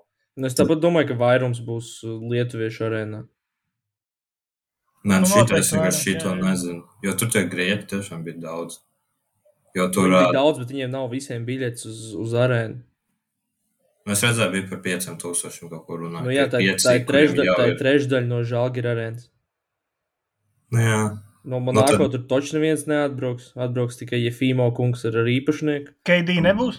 Un uh, Blossom Game un Dantas Hall viņa enturāžas arī, es domāju, būs. Nu, jā, te četri cilvēki kopumā, principā. nu, arī izlīdzinās. Jo Monako, Monako taisīs uh, savā arēnā, tā saucamā watch party. Tur būs liels ekrāns, un, uh, kā es redzēju tajā, tajā reklāmā, tad šoreiz arī tur varēs dzērienus ienest iekšā. Apakt tur nevarēja. Nē, tur nevar pilnīgi neko, neko vispār nevar ienest iekšā. Nu, tas man nav saprotams, jo cik starp citu klausies offside raidījumu, un Jānis Pakons ziņoja, ka Madrid arī nevar ienest ne basketbolu, ne futbolu, nevar alkoholiskos dzērienus ienest iekšā tribīnās, kas ir, nu, man kā latvietim neliekas saprotam, būšu godīgs. Monako nevar pat uh, ūdeni, nu, tā kā tu neko nevar ienest, uh, nekādu šķidrumu. Un tas. Tā jau ir problēma, jā. Nu, Bet runājot par alu, tas bija off topic. Es dzirdēju, ka Čehi sūdzējās par, uh, par alu cenām pasaules čempionātā Rīgā. Un, uh, viņi arī ļoti slikti izteicās par mūsu alu. Gan... Tur, man liekas, bija pirms vai pēc spēles, man liekas, tas ir jautājums. À, jā, emo, ir, emocijas jā. dod kaut kādu piesitienu. Ja nemaldos, tas bija pirms spēles pat. Tad viņi zināja. Nē, nu būsim godīgi. Nu, Pastāvēsimies, mēs varam reāli. Mēs kā tomēr esam zinoši cilvēki. Nu, 6 eiro par meža pilsētu, 0,5 nav adekvāts cipars. Nu, nu, būsim godīgi. Par nevienu alu 0,5, 6 eiro īsti nav adekvāts Labi, bet, cipars. piemēram, Sotaks par spēles biļeti tur, nu, nezinu. Nu, tas arī- kā tas arī kuram, tas arī diezgan. Tur Tas arī griestos. Nu, tur daudz jautājumu. Es nezinu. Nu, es kaut kādā ziņā es tos, es tos čekus saprotu. Jo Čehijā, Tur ir lāgers. lētāk. ka- Nē, Čehijā, protams, tur jā, bet, bet uh, nu, nav arī tā, ka Mešpils ir kaut kas ļoti, ļoti slikts. Nu, iepriekš bija, nemaldos, Alders 1865. Tas, man liekas, Tas ir jā. bēdīgāks. Jā, nu. Nē, nē, nu es esmu vairāk tādā ziņā, to, ka, nu, es nezinu, es parasti ieeju veikalā, mēšpils nav tās, uz ko man nācis skatās uzreiz. Es tādā ziņā par to. Bet, nu, jo, piemēram, par, tiešām par tiem čehiem, kā man ienākusies inside informācija, Prāgas centrā var par diviem eiro dabūt algu. Prāgas centrā 2,05 eiro. Latvijā nekas tāds nav iedomājams. Būsim godīgi, Latvijā tu tādu ciparu nekur nevar dabūt. Jo veikalos ļoti knapi var zem diviem eiro tikt. Bija, bija savulaik uh, tālens pagalmā viena vieta, kas tirgoja alpu par diviem eiro. Bet... Ah, jā. Ir, ir, ir. Atceros, atceros, atceros. Baigi, baigi aizpildējām. Mēs palikām pie tā, ka Monako rādīs spēli, kas bija vēl iepriekš. Jā, nu mēs par skatītājiem runājām. Tā kā es devu tādu bišu preview tam, pēc kāda nogriežņa Reāls un Barcelona ierodas Kaunijā. Un, nu, ja man būtu jāprognozē, es teikšu, ka Barcelona uzvarēs. Es domāju, ka viņi kā pietiekami daudz ir kāpuši uz grābekļiem Final Four iepriekšējos gad, gados. Un, līdzīgi kā es teicu, janvārī, es joprojām domāju, ka viņi uzvarēs uh, titulu. Uh, Šāras svinēs, un uh, nu, viņiem, protams, arī palīdz tas, ka Reāls uh, nu, nav tik jaudīgā sastāvā, kā viņi varētu būt, ja visi spēlētāji būtu ierindā. Un, piemēram, tas deka un jābūt sēles iztrūkums, uh, un arī par jē, tas ir diezgan svarīgi. Un, uh, nu, es vienkārši domāju, ka tagad, pēc tā visa pieredzes, visu, kā, kam Barcelona ir izgājuši cauri, un tagad ar, ar Saturānsku un Veselī viņi ir labāki nekā pagājušajā gadā. Un, uh, nu, man liekas, viss, viss liecina par to, ka viņiem vajadzētu būt spēcīgiem šajā Final Four, un es arī uzticos, ka viņi uzvarēs. Protams, nebūs viegli, bet es domāju, ka viņi vinnēs gan Madridu, gan Jā. pēc tam finālu. Anu, Un bet tad... kur par Žalgiru arēnu. Nu, tur ir 15,000 vietas, nu, piemēram, 5, maksimums 6,000 būs grieķi. No Monako un abu spāņu klubu nu, tur nebūs vairāk kopā par 1000 cilvēkiem uz viņiem visiem. Un es gribētu domāt, ka arēna būs pilna, nu tad tie pārējie būs lietuvieši. Nu, nē, tur jau atkarīgs. Jo tad, kad pirka tās pašas biļetes, tur jau bija problemātiski visiem. Tur jāstāsta, es nezinu, tie, kam bija gogo, kurš nopirks. Es nezinu, tas, tas man liekas, tas vēl, vēl jautājums. Es tur, tur tiešām tur grūti spriest. Bet, nu, tā kā tas notiek Kaunijā, tas būtu loģiski. Bet īstenībā man, Norbert, man tev nāksies piekrist tavā prognozē. Ja man jāprognozē, kurš uzvarēs, es arī teiktu, ka Barcelona uzvarēs, jo viņi pirmkārt, jā, kā tu teici, viņiem pusfināla pretinieki tagad ir iespējams vissliktākajā situācijā, kādā viņi ir bijuši pēdējo, tas neatceros, kopš tās FS sērijas, kas bija jau pirms trīs, ne pirms diviem gadiem. Viņi ir tagad sastāvziņā tikpat vājā situācijā. Un uh, visu to, kas es iepriekš teicu, ka tev vajag Eirolandā Final Four diezgan liela pieredze, lai viņu uzvarētu. Viņam ir pieredze, un es arī uzskatu, ka tev vajag vienu reizi apdedzināties finālā, lai tu beidzot viņu uzvarētu. To Barcelona arī ir veiksmīgi izdarījis pirms diviem gadiem. Tāpēc es, es domāju, ka šis viņam labākas iespējas uzvarēt, es neredzu tuvākajos gados. Tagad šis ir ta- tas gads, kad viņiem vajadzētu uzvarēt. Jā, nu un arī tas, ka viņi pagājušajā gadā pusfinālā tieši tā kā viņi zaudēja tieši Madridē, viņiem bija tur plus 10 apmēram puslaikā. Viņi vienkārši fenomenāli pirmo puslaiku nospēlēja, un tad, at, kā jau viņi dažreiz to izdara, viņi vienkārši izslēdz, sāk to visādas muļķības taisīt un zaudē spēli un apdedzinās. Un es domāju, ka tieši tas, kas notika pagājušajā gadā, tā kā, nu, Piemēram, tagad viņi, viņi ienāks spēlē, viņi sapratīs, ka nu, nevar divus gadus pēc kārtas zaudēt reāli un pusfinālā. Ja? Un, nu, kad viņi būs sagatavojušies, Šārs būs kaut ko gudru izdomājis, ja zinot, ka reālam ir visādi robi sastāvā un tādas lietas. Un, uh, arī tad, kad, piemēram, viņi, kā, piemēram, ja viņi labi spēlē, viņi dabū to plus 10. Un, Nu, es nezinu, tas noteikti.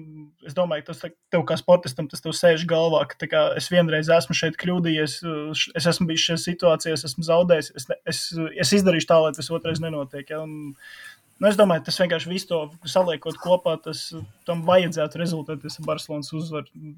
Savukārt, ja viņi zaudē, nu tad, nezinu, tad Šāram droši vien viss kritika tiks, un uh, tad būs interesanti skatīties, kas notiek. Nu, tad tur jāiet pie, pie zīmēm, jā, tie ir čakri. Es nezinu, kas tad viņam, ja viņš šogad neuzvar, tad es nezinu, ko, ko tad viņam, kas vēl jādara, lai uzvarētu. Jo nu, viņiem godīgi viņi šogad ir vislabākajā situācijā. Nu, labi, tos olimpiākus, protams, arī nevar norakstīt, jo viņiem arī tā komanda diezgan ilgs projekts ir. Viņi jau kāpēc, pagājuši... kāpēc uzreiz tika pieņemts, ka olimpiākus būs finālā? Jā, es domāju, nē, nu, nē, es, es, es, es, es personīgi, es pagaidu, es, es, tas tā kā, es, es, es gāju to tā otrā pusē no komandām, ja mēs tagad to pirmo vairāk koncentrējamies.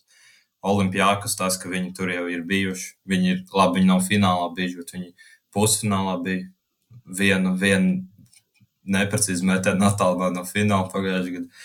Un, un es domāju, ka viņi atnāks vēl motivētāki, bet viņi jāatzīst gan, ka viņi pretinieki būs tikpat motivēti, jo kā jau mēs zinām, tad Monako pagājušajā gadā tieši zaudēja Olimpijākas, plus vēl Maikam Džeimsam iespēja pierādīt, ka viņš ir uzvarētājs, jo viņš te nav uzvarējis. Man liekas, viņam tajā dienā, kur viņš piedalījās, viņam bija, ja nemaldos, bronza.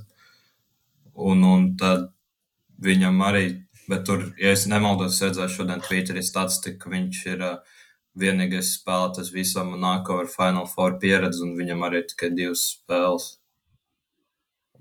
Jā, nu, no kurām varētu argumentēt, ka viena nu, nav tā, ka ir ļoti izšķiroša. Es nezinu, cik daudzus gadus atpakaļ jūs atceraties, kas ir noticis trešās vietas spēlē. Nu, labi, protams, es tur atceros kaut ko, piemēram, Žalgiris gadījumā tas ir kaut kas īpašs, bet, nu, nezinu, piemēram, kas pagājušajā gadā uzvarēja trešo spēli, es jau vairs par to nedomāju. Lai gan Barcelona uzvarēja, bet jā. nu, tas, tas nav tas, ko tu pusfināls ir tā spēle, kas ir svarīgā sākumā un tad fināls. Un, kaut ko es vēl gribēju teikt. Uh, Ah, nu jā, nu nav tā, protams, ka Barcelona tur būs pastaigta grēls, jau arī būs motivēta un arī nāks cīnīties. Un, uh, par to otru pusi nav neatkarīgi no tā, kas iznāk ārā Olimpijākos vai Monako. Tur tāpat nu, tas, tas nekādā veidā nav viegls mačs, un uh, jebkurā gadījumā būs ļoti, ļoti interesanti. Un, ja man būtu jāprognozē, es teiktu, ka Olimpijākos uzvarēs uh, vienkārši, jo viņi, ir tad, nu, viņi tiešām vienkārši to labāko basītu ir visu sezonu griezuši. Bet, uh, Nu, Monako ir tā komanda, kas var izšaut. Viņi var, kā viņi pret Makabiju, viņi var vienu spēli pa 30 zaudēt, un tad nākamā uzvarēt pa 10. Tas ir lielā mērā atkarīgs no tā, vai tev ir tie trīs spēlētāji, kas var aizsākt situācijas, samest punktus. James uh, Lloyds un Kobo. Ja viņiem krīt viss stepback grozā, nu, nav tā, ka tu baigi daudz kaut ko var izdarīt. Ja tur divi no viņiem vienkārši iemet 20, jā, tā kā piemēram, piektajā spēlē, nu, tu nevari neko daudz izdarīt, un tad, tad viņi var uzvarēt Olimpijākus un arī finālu. Bet, uh, nu, ja, ja, ja tas neiet cauri, tad atkal viņi zaudē. Un, nu, tur var gan viens, gan otrs scenārijs pilnīgi mierīgi piepildīties. Viena lieta, ko es gribētu kalot, ka Šakils Makēsaks aizdzīs labu spēli pusfinālā. Kā jau mēs esam noskaidrojuši, viņš ir lielo spēļu spēlētājs, tāpēc no viņa sagaida, sagaida labu basketbolu. Jā, Ah, nu vēl viena lieta, ka, piemēram, par, par Lukas, cik viņš fantastisks bija uzbrukumā pret Fenerbahču laiku, tad uh, tik ļoti arī uh, Itudis viņu meklēja visu laiku. Tieši mēģināja viņu izmantot kā vājo punktu aizsardzībā. Un uh, nu, Lukasam, ja, ja viņš ir laukumā, viņam ir jāsadz kāds no tiem ASO spēlētājiem. Un, uh, uh, nu, tad ļoti svarīgi ir, kā, kā Monako to izmantos un kā Olimpijākas to apturēs. Jo, Nu, jā, tā ir tāda interesanta lieta. Es, es tagad aizmirsu, kurš ah, tas pats Guduričs, tas, kurš astoņus tālos iemet pret um, um, Olimpijākos piektajā spēlē. Lielākā daļa bija pret Lukas. Nav tā, ka viņam tur bija baigi sliktā aizsardzība, bija tāpat pāri rokām, bet uh, nu, viņš tomēr ir mazāks, pret mazākiem spēlētājiem to ir vieglāk izmest. Un, uh, nu, jā, tā ir ļoti svarīga nianses. Uh, piemēram, cik, cik reizes pret Lukas tiks gūti punkti pusfinālā. Tas būs svarīgi. Jo Volkaps izdarīs savu darbu, par to nav šaubu. A, ko, ko Volkaps seks? Maika Džeims tā kā simtprocentīgi vai viņš mainīsies, kā jums liekas? Es domāju, ka viņš seks Maika Džeims. Nu, viņam liekas, Volkaps ir viens arī no rātiem spēlētājiem, kuram viņam baigi nevajag dubultīm, gan jau par to Džeims, ka viņš var viens, viņš saka, plus mīnus. Nu, labi, nu, un, un, un, un, ko jūs darat, piemēram, nu, man nāko ir pietiekami daudz džeku, kas var aizsulties. Piemēram, tu skaties uz tādu olimpiākus, un tev ir diezgan skaidrs, ka, piemēram, okay, tā būs liela spēle, tur varbūt vēl Makisiks ieslēgsies, bet, nu, tad tie rezultāti taisīt ir daudz maz skaidri. Uh, Obrādovičs ir tiešām pārsteigts un, un uzsūtīt kapteini Uh, Jakubu Vatarā laukumā, kurš, kurš ieliks tev, kurā viņš otrajā spēlē sāka, ka viņš puslaikā bija cik, cik trojkas iemetis pret man, Makabī. Labi, it kā Lorence Akis otrā pusē ir tieši tāds pats, bet vienkārši liekas, ka Monako ir neprognozējamāk. Un tu, tu ņem nost Volkapu no Jamesa, ja, piemēram, Jordans Lloyds ir iebērs 20 puslaikā. Es domāju, ka nē, es, es, ne, es vienkārši atstātu visu laiku uz Jamesu, tā kā Volkapu un Tad tur ļauj Lloydam iz... turpināt, ja? Nu, tā, nē, es vienkārši tādu. Nē, nu, negluži turpināt, bet kā kādam viņi ir jāsadz arī un jāmaina kaut kas, ja tu 20 ielaid puslaikā. Bet, nu, es nedomāju, ka tu vienkārši, nu, kā Vokaps sāks sekt Lloydu, tad uh, vienkārši kurš James seks uzreiz jautājums. Es domāju, ka labāk tad mēģinam izslēgt James nekā Lloydu. Pat ja Lloyds ir karsts. Jā. Nu, man liekas, jāizvēlās mazākais ļaunums un uh, nosaka Maika James parasti ir mazākais ļaunums. Labi, nosakt arī tā kā, nu, tādus spēlētājus grūti. Nu, viņi, viņi, viņi nenonācās uz nulles, gluži arī tas nav baigais variants. Bet tā kā es labāk izvēlos viņu nosakt, gan jau. Viņš pats var sev nosakt. Nē, nu viņš to, to arī viņš var izdarīt. Jā. Vēl arī variants, ka varbūt, ja viņi ieradās šodien, lai viņš ceturtdien nedodas kaut kādā atpūsties. Uz Bārdakas, piemēram. Uz Bārdakas viņš varētu doties arī. Bet Nu, labi, gan jau nē, protams, bet nu, ir visādi šo sezonu pieredzēts. Arī ir Džonam... ieradās šodien, šodien tieši šovakar, sanāk, kas trešdienas vakarā ar pāris stundu atšķirību ieradās principā visas komandas, sākot no pulkstens septiņiem pēc vietējā laika, ja nemaldos. Pilnīgi jā, visas jā, komandas. Jā, man liekas, pirmajā atnāca, nu, pirmais sits, nu, pirmā arī ieradās. 20 minūtes starpā starp viņiem un Monako, ja nemaldos. Jā, un ar Džonam Braunam arī ir liels uzdevums priekšā pret tā Sašu Vezenkovu. Sašu Vezenkovs tieši man tagad atmiņa neviļ. Pagājušajā gadā pus, pus, pusfinālā viņš tieši nogaustoja, neko īsti vērtīgi neizdarīja. Man, es tagad neatceros, bet man liekas, ka tā bija. Nu, viņš bija klusāks nekā regulārā sezonā. Jā. Un tad tagad, tagad, tagad Džons Browns ir. Plus vēl Alfa Dialo arī ja vajag, kurš arī var to pašu darīt. Bet uh, Vēzenkovs arī pret uh, Feneru bija klusāks. Jā, viņa arī vidēji. Viņa arī sēdzīja visu laiku ar, nu, ar seju. Kā, tu, tu, Vezenkovs viņš stāv vienalga stūrī vai 45, un tad Nigels Heis Deivis vienkārši skatās viņam seju sejā un uh, pilnībā nestāsta, kas notiek laukumā. Kā, lai viņi spēlē 4 pret 4, mēs noņemam no Vezenkovu, un uh, arī Monako var kaut ko līdzīgu darīt uh, ar Johnu Braunu un uh, Alfa Diālo. Es domāju, ka nu, viņiem ir tie spēlētāji, lai uh, mēģinātu ierobežot Vezenko. Nu, tagad es... īstenībā, kad mēs vairāk par šo runājam, man liekas, Kristina, tu man nedaudz pārliecināt vairāk tajā man nākā virzienā. Es tiešām aizdomājos par to. Piemēram, tu noņem Vezenko nost, un tur īsti bez slukas diezgan grūti kaut ko uzbrukumā. Nu, protams, Makīs tur būs spēlē iemetīs 17 punktus, to mēs zinām. Tas ir tā kā bankā, bet to, ka tu. Papa Nikolau arī īstenībā. Es domāju, ka būs vienkārši kaut kāds. Uh, Notiks kaut kāds daudz maz bezsakars, ka tur vai kaut kāds aizēja Keinants sāks mest iekšā. Nu, kaut kas tur uzrādīsies, kas metīs iekšā. Zinu, ko, es varētu, ko es varētu noprognozēt? Tā kā tie ir spēlētāji, manuprāt, kurus tu vari izschēmot, kā apturēt. Uh, nu, nosacīt, ja kurus Vezen, Vezenkovs un Volkaps. Nu, piemēram, Volkapam visi, piemēram, Feneris laikā gāja Anderā, pick and roll. Volkaps dažas trojkas uzmeta, lielāko daļu nomet garām, un pēc tam viņš vienkārši vairs nemet. Un, nu, nekāds labums no roll nav. Aiziet pa apakšu, nekas nenotiek, pazaudē 5 sekundes, bum, tev joprojām rokās. Kaut ko līdzīgu varētu darīt Monako. Uh, nu, un Vezenko, ja tu vienkārši seju sejā viņu sēdz, tad uh, nu, viņam ir daudz grūtāk. Viņš gan tur ar saviem sodiņiem un tādām lietām, visus tehniskos sodiņus viņš tur mētā. Un tādas lietas viņš tur savāc tos punktus un kaut kad arī nodrēvo, protams, nolas epizodes un tā vienkārši tas, ka čia bumbu neveido situācijas. Bet, kā, nu, tu, tu, vari, tu zini, kas ir jāizdara, lai viņus apturētu. Jā. Vienkārši jautājums, vai tev tas izdosies. Un, es prognozēju, ka man nākotnē tas neizdosies. Es sagaidu lielu spēli tieši no šiem diviem džekiem. Es domāju, ka Volkaps beidzot saņemsies un uzbrukumā būs ļoti bīstams un ieliks savus metienus. Es domāju, ka Vezenkovs arī pēc tās iepriekšējo gadu pieredzes un arī tas, kādā līmenī viņš ir sev pacēlis šīs sezonas laikā. Uh, Uh, es, domāju, nu, es domāju, ka viņš ir daudz gatavāks Final Four nekā pagājušajā gadā, un viņš tiešām būs nokoncentrējies un uh, aizdīs lielu pusi no spēles. Par spīti tam, ka Monako ir labi sedzējis, to viņu var sekt. Bail īstenībā dzirdēt tos prognozes, jo vismaz iepriekšējā par Olimpijā, kas bija īpaši precīzi. Es vienkārši, man ir tāds ļoti tāds, teikt, triviāls iemesls, kāpēc es gribētu redzēt, lai Monako uzvar. Uh, pirmkārt, turbūt, jā, es gribētu redzēt Maiku Džeimsu ar, ar gredzenu, lai gan Eirolandā nedod gredzens, ja nemaldos. Uh, otrs tāds, ka uh, es braukšu mājās no Kaunas naktī. Tas nozīmē, ka es negulēšu līdz diviem naktī.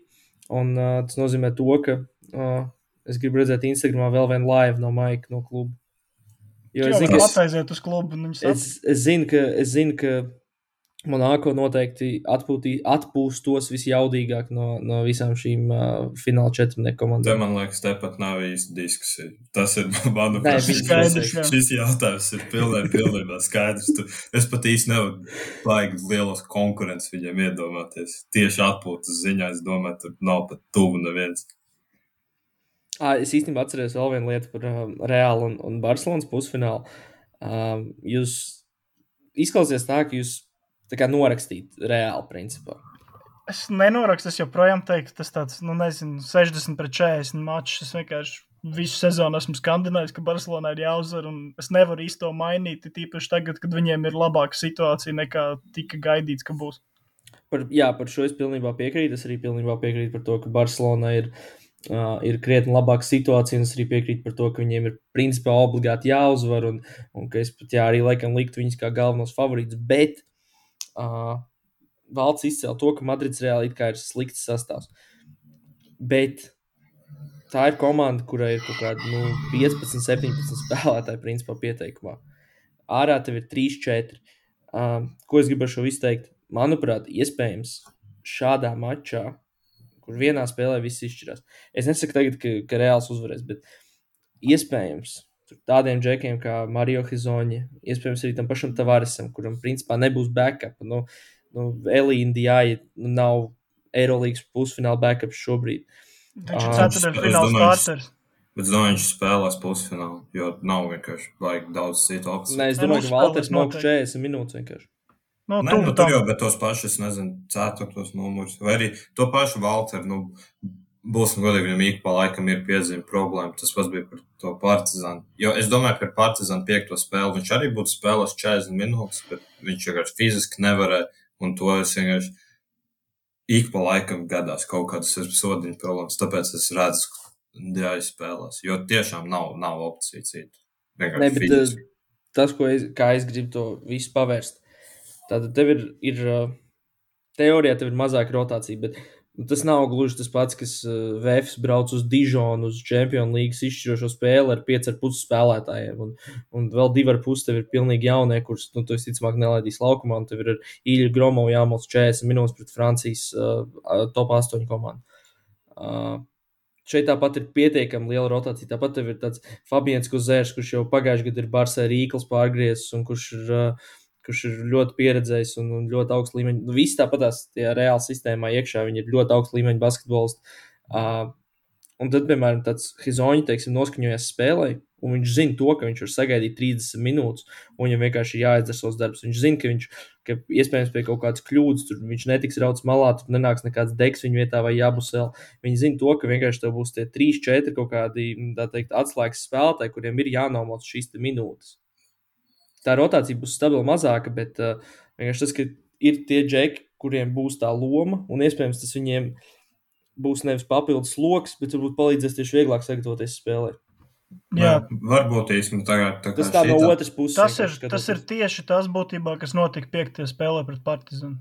Tā kā tu vienkārši to desmit cilvēku lomu sadalīji uz septiņiem spēlētājiem, viņi izdarīja to darbu un viss bija kārtībā. Tā var arī notikt pusfinālā. Es, jo es, es gribu atgādināt, ceru, ka ir. Ka ir tikai viens uh, treneris, kurš izšķirošā spēlē izmanto 12 spēlētājus. Vai jūs zināt, kurš tas ir? Nu, ir tāds, var tāds, jā. Diemžēl bez darba šobrīd, cik mēs, ja man informācija ir pareiza. Pagaidā, atgādinu. Nu, Roberts Šelmhers, Latvija, Bulgārija, pirmajā puslaikā ah, visi 12 okay. spēlētāji laukumā. Es nekur citur to neesmu redzējis. Tā kā es domāju, mēs varam arī droši sagaidīt, ka vienkārši būs tā 7, 8 džeku rotācija. Arī, ja tas jāizspēlēs, nu, nu Valteram būs virs 30 minūtēm, jebkurā, ja viņš, protams, nesasīt tās 5 piezīmes vai ko.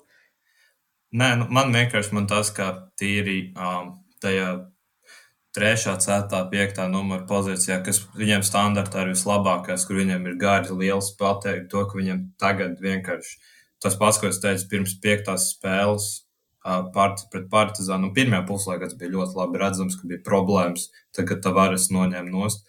Un uh, tad vienkārši tur nedaudz raisa šaubas. Bet es piekrītu, ja, piemēram, ja Hezonja aizved labu spēli, tad var principā var jebko uzvarēt. Jo, ja kā, jūs esat ilgstoši skatījušies Marijā Hezonja, ja viņam tautas valodā runājot aiziet ciet, viņš tev var iemest jebko, izdomā jebkādu metienu, cik stulbāko, ko tu vari iedomāties, viņš var viņus iemest, viņš var jebko iemest grozā.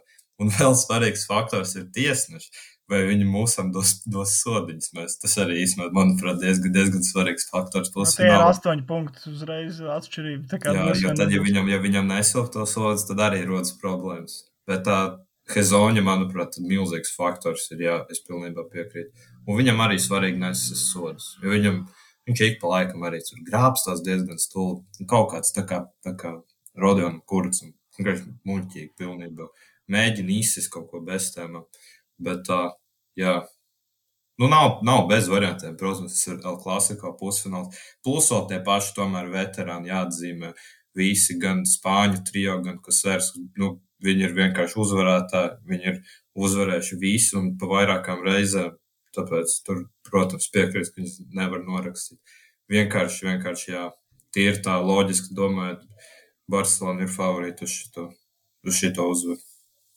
Nu, vēl arī vienmēr pret Tavares spēlēt, ir, nu, tu zini, ka soda laukumā tev ir daudz grūtāk nekā pret citām komandām, ko arī varēja izbaudīt, tur Lesords, piemēram. Uh, Tad eh, ļoti svarīgi ir, eh, kā Barcelonas garie kā varēs eh, izplast laukumu un iemest tur veselīs pustālos, šanlī tālos, tur mirotiču tālos, tādas lietas, jo Tā kā, ja tu visu laiku tā vari vēl cārā, un, ja tu, piemēram, Šanlī, viņš var iemest 15 punktus, viņš var iemest 0 punktus. Es ne pa vienu no scenārijiem nebūtu pārsteigts. Un, Tā kā, nu, tādas lietas arī eh, ļoti lielu nozīmi eh, iedos. Jo, piemēram, arī to, to arī Smailagičs parādīja no Partizana, kad viņš uz, iznāk startā, iemet 3-3 tālos, jo Tavares vienkārši diezgan negribīgi iet tur ārā un varbūt nu, dažreiz mazliet pa vēlu. Un, ja tu met iekšā, tas ļoti labi strādā, ja tu met garām, nu, tad nekas nenotiek. Un, nu, vienkārši visas šīs mazās lietas eh, izšķirs ļoti daudz. Jā, varbūt zona jāsadz no Čusma tev var visu kaut ko izsēmot. Ja viņš zina, kā ar interesantām taktikām, sastāviem un visādām zonām atsist 0-2 Belgradā, tad viņš zina arī, ko pusfinālā darīt. Kā... Nē, tā zona īstenībā diezgan strādājuši. Es godīgi tiešām neesmu redzējis īpaši, ka ilgstošu laiku Eiropas augstākajā līmenī šis kaut kas var strādāt. Tā kā to par treneru man te varbūt kaut, kaut kas ir tur iekšā. Vispār pret Barcelonu arī būtu interesanta tieši tā zona, ka, nu, es nezinu, labi, Šārs kaut ko sagatavos, bet uh, dažreiz uh, liekas, ka Barcelonas spēlētāji, kā viņi to, nu, viņiem vairāk postā patīk spēlēt nekā kaut kur citur, un uh, tos metienus no distances ārpus Laprovitols, un tur, piemēram, Brīnēs pārējie, nu, tā diezgan negribīgi met gan Saturāncis, gan Kaliničs. Un, nu, nezinu, ja tu piespiedi viņiem mest visādus tālos, un viņiem neiet uh, un lietas zonu, nu, tur interesanti var būt. Jā, bet es domāju, es domāju, ka jau Šāras būs. Šāras noteikti skatījās to sēriju otru, jo viņš zināja, ka tur ir nākamie pretinieki. Un uh, zinot viņu, kā, kā viņš gatavojas spēlēm, es domāju, pret, pret zonu būs kaut kāds pretzāles saskaņots, ko darīt. Bet, nu, Jā, nu, šāda, šāda partija, jebkurā gadījumā, man protams, interesē skatīties. Viena, viena spēle, protams, es nezinu, var tikpat labi Alberto Baldiebu ar Tricāru viņu uzvarēs. Nevar zināt, nevar zināt. Nav redzēts nekas tāds, bet, nu, visi trakākas lietas ir bijušas arī. Viņš ir viens no džekiem, kuram, piemēram, bez dēka un, un, un, un bez jābusēlas spēlēt, tur vienkārši jāspēr solis uz priekšu. Un, Protams, tu visticamāk negaidi 30 punktus no viņa, bet uh, viņš ir tāpat, uh, nu, viņš ir Eirolandes līmeņa basketbolists. Nu, un, un nav tā, ka tu ieliec kaut ko pilnīgi tam līmenim neatbilstoši, kāds iespējams būtu ar kaut kādām turku komandām. Nē, nē, taisnība. Īsumā tas ir balti. Viņš tas diezgan interesants kadrs. Es ļoti daudz šo sezonu domājis, jo viņš tā kā. Uh, es uz viņu skatos, un tā kā man visu laiku rodas tāds tā iespējas, ka viņam ir iekšā, ka viņš tā kā var spēlēt, bet viņam kaut kā īsti tas nenāk ārā līdz galam. Es nezinu, vai viņš kautrējas vai, vai kas tur. Es neesmu sapratis, bet viņam kaut kas bija pietrūkst. Es nevaru saprast, kas ir pārliecība vai kas. Varbūt, varbūt, tev, te, varbūt šis būs viņa turnīrs. Nevar zināt. Ja jums vajadzētu kā, rezumēt uh, visu, ko mēs tagad esam izrunājuši par abiem mačiem, tad uh, kādas tad būtu tās jūsu galējās prognozes? Es negribu to saukt par savu prognozi, jo man ļoti mācās šaubas, ka, ka tā piepildīsies. Es vienkārši gribētu, lai man nākā uzvar. Manuprāt, tas būtu, būtu vienkārši ļoti interesanti redzēt. Tas būtu fantastisks stāsts. Nu, es domāju, Valtam laikam lieki prasīt, kā uzvaru viņš cer. Nē, nu es ceru, uz, protams, uz vienas komandas uzvaru, bet tā, tā kā vēsu prātu prognozēt, es ļoti šaubos un gan jau likt uz Barcelonu. Bet tas būtu, bet tā kā manā rangā Barcelona no tā, ko es gribu, lai uzvar viņu visticamāk ir pēdējie. Un tad, ja reāli neuzvar, tad es arī gribētu, lai man nāk uzvar. Varbūt tad Maik, Maikam Džeimsam, man liekas, tad haiteriem vairs nebūs argumenti pret viņu nekādu, ja viņš uzvarēs vēl Eirolīgu. Jo līdz šim tu varēji mums viņam šito siet klāt, ka viņš nebija Final Four īsti bijis. Ja neskaita to vienu reizi, neko uzvarēs, tad būtu skaisti, ja viņš uzvarētu. Tu arī zini, ka, ja Maiks Džeims uzvar, tad uh, vai nu ballītes laikā, vai pēc ballītes viņš arī Twitterī parādīsies. Un, uh, gan jau padiskutēs ar faniem, kuriem bija ko teikt, un tādas lietas, un uh, būs atkal interesants materiāls. Uh, es īstenībā esmu tādā interesantā pozīcijā, kas ir politiķis viltīgi izdomāt visu, ka man dara Barcelonas uzvaru, jo es viņus prognozēju. Man dara Olimpijākus uzvaru, jo man vienkārši visu sezonu ļoti patīk, kāda basīta viņi spēlē. Un tā komandas spēle, tā saspēlētība, tas, kā viņi saprotās un tur piečakarē pretinieks uz uh, tieši to kā, savu ķemistriju. Tas man ļoti patīk, kā strādā. Un man nākotnē tas vienkārši būtu fantastisks uh, stāsts, un Maiks Džeims un vispārējais. Man vienkārši ne, man nedara, ka Madrids reāli uzvar. Tas ir vienīgais, kas man nedara šajā visā. Labi, Norbert, iedod viens komandas nosaukumu, ko tu atbalstīsi. Vienu, pirms Final Four nosauc vienu no šiem. Es būšu par Barcelonu. Es, bū, es būšu par Barcelonu. Man vienkārši nebūtu jums viss izšķirās. Es būšu par Barcelonu. Jums viss izšķirās uh, piekdienas vakarā, pulkstens deviņos pēc Latvijas laika. Jā. So, klasiko, jeb es par tevi valtu, nekas cits. Viņas ap citu īstenībā es teiktu, ka šī varbūt ir uh, viena no tām lietām, ko Eirolīga pareizi izdarīja. Uh, jūs zinat, bija uh, pusfināla laiki un, un kurš pāris tieši spēlēt, cikos bija skaidrs jau, jau tad, kad, uh, kad spēlēja vēl playoffs, vai, vai to izdomā, vai viņš salikt? Pagā, pagājuši, pagājuši gadu, man liekas, bija tāpat, ka viens četri spēlē pirmo un divi, trīs otru. Jo, jo es gribētu teikt, ka šī ir vienkārši loģiskāk, priekš pašas Eirolīgas, piemēram, teiksim, tad, kad sākās uh, pirmais pusfināls Spānijā ir pieci. Uh, Atēnas, nu, principā Pīrējs, kas ir turpatās, ir uh, Rī, uh, Baltijas valstu tajā laika zonā. Tā kā viņiem sākās sešos, kas ir ok. Uh, Monako kopumā ir uh, varbūt maza auditorija. No, nu, ok, viņi jau tur, teiksim, Francija viņus atbalsta, viņiem ir pulkstens pieci. Ok. Bet, uh, kas pats galvenais, tomēr, ka tādā daudz maz prime time priekš Spāņiem būs uh, El Clasico. Jā, Nu, būsim arī godīgi, ka klasika ir pasaules lielākais sporta derbijs. Jebkur, tiešām basketbolā, futbolā, lauka hokeja, pingpongā, sauciet, ko gribat, vēl klasiko, tas ir vēl klasiko. Tas visam skaidrs, kas tas ir vienmēr, vienmēr fantastiski. Priek, prieks kaut ko tādu redzēt. Es ne, nevaru šo līdz galam uh, atbalstīt šo apgalvojumu, tāpēc, ka man, manā rīcībā vienkārši nav informācija, kāda situācija ir Indijas kriketa čempionātā. À, nu, protams, Tur vienkārši cilvēku ziņā jā. iespējams varētu būt vairāk. Es, Nē, es nu, nezinu. Noteikti. noteikti. Indija, plus Pakistāna, vēl Anglija, nu, tāds kriket valsts. Tā tur varbūt ir kāds lielāks duels. Bet tad, Bet, tā teorijā pirms... visticamāk, jā.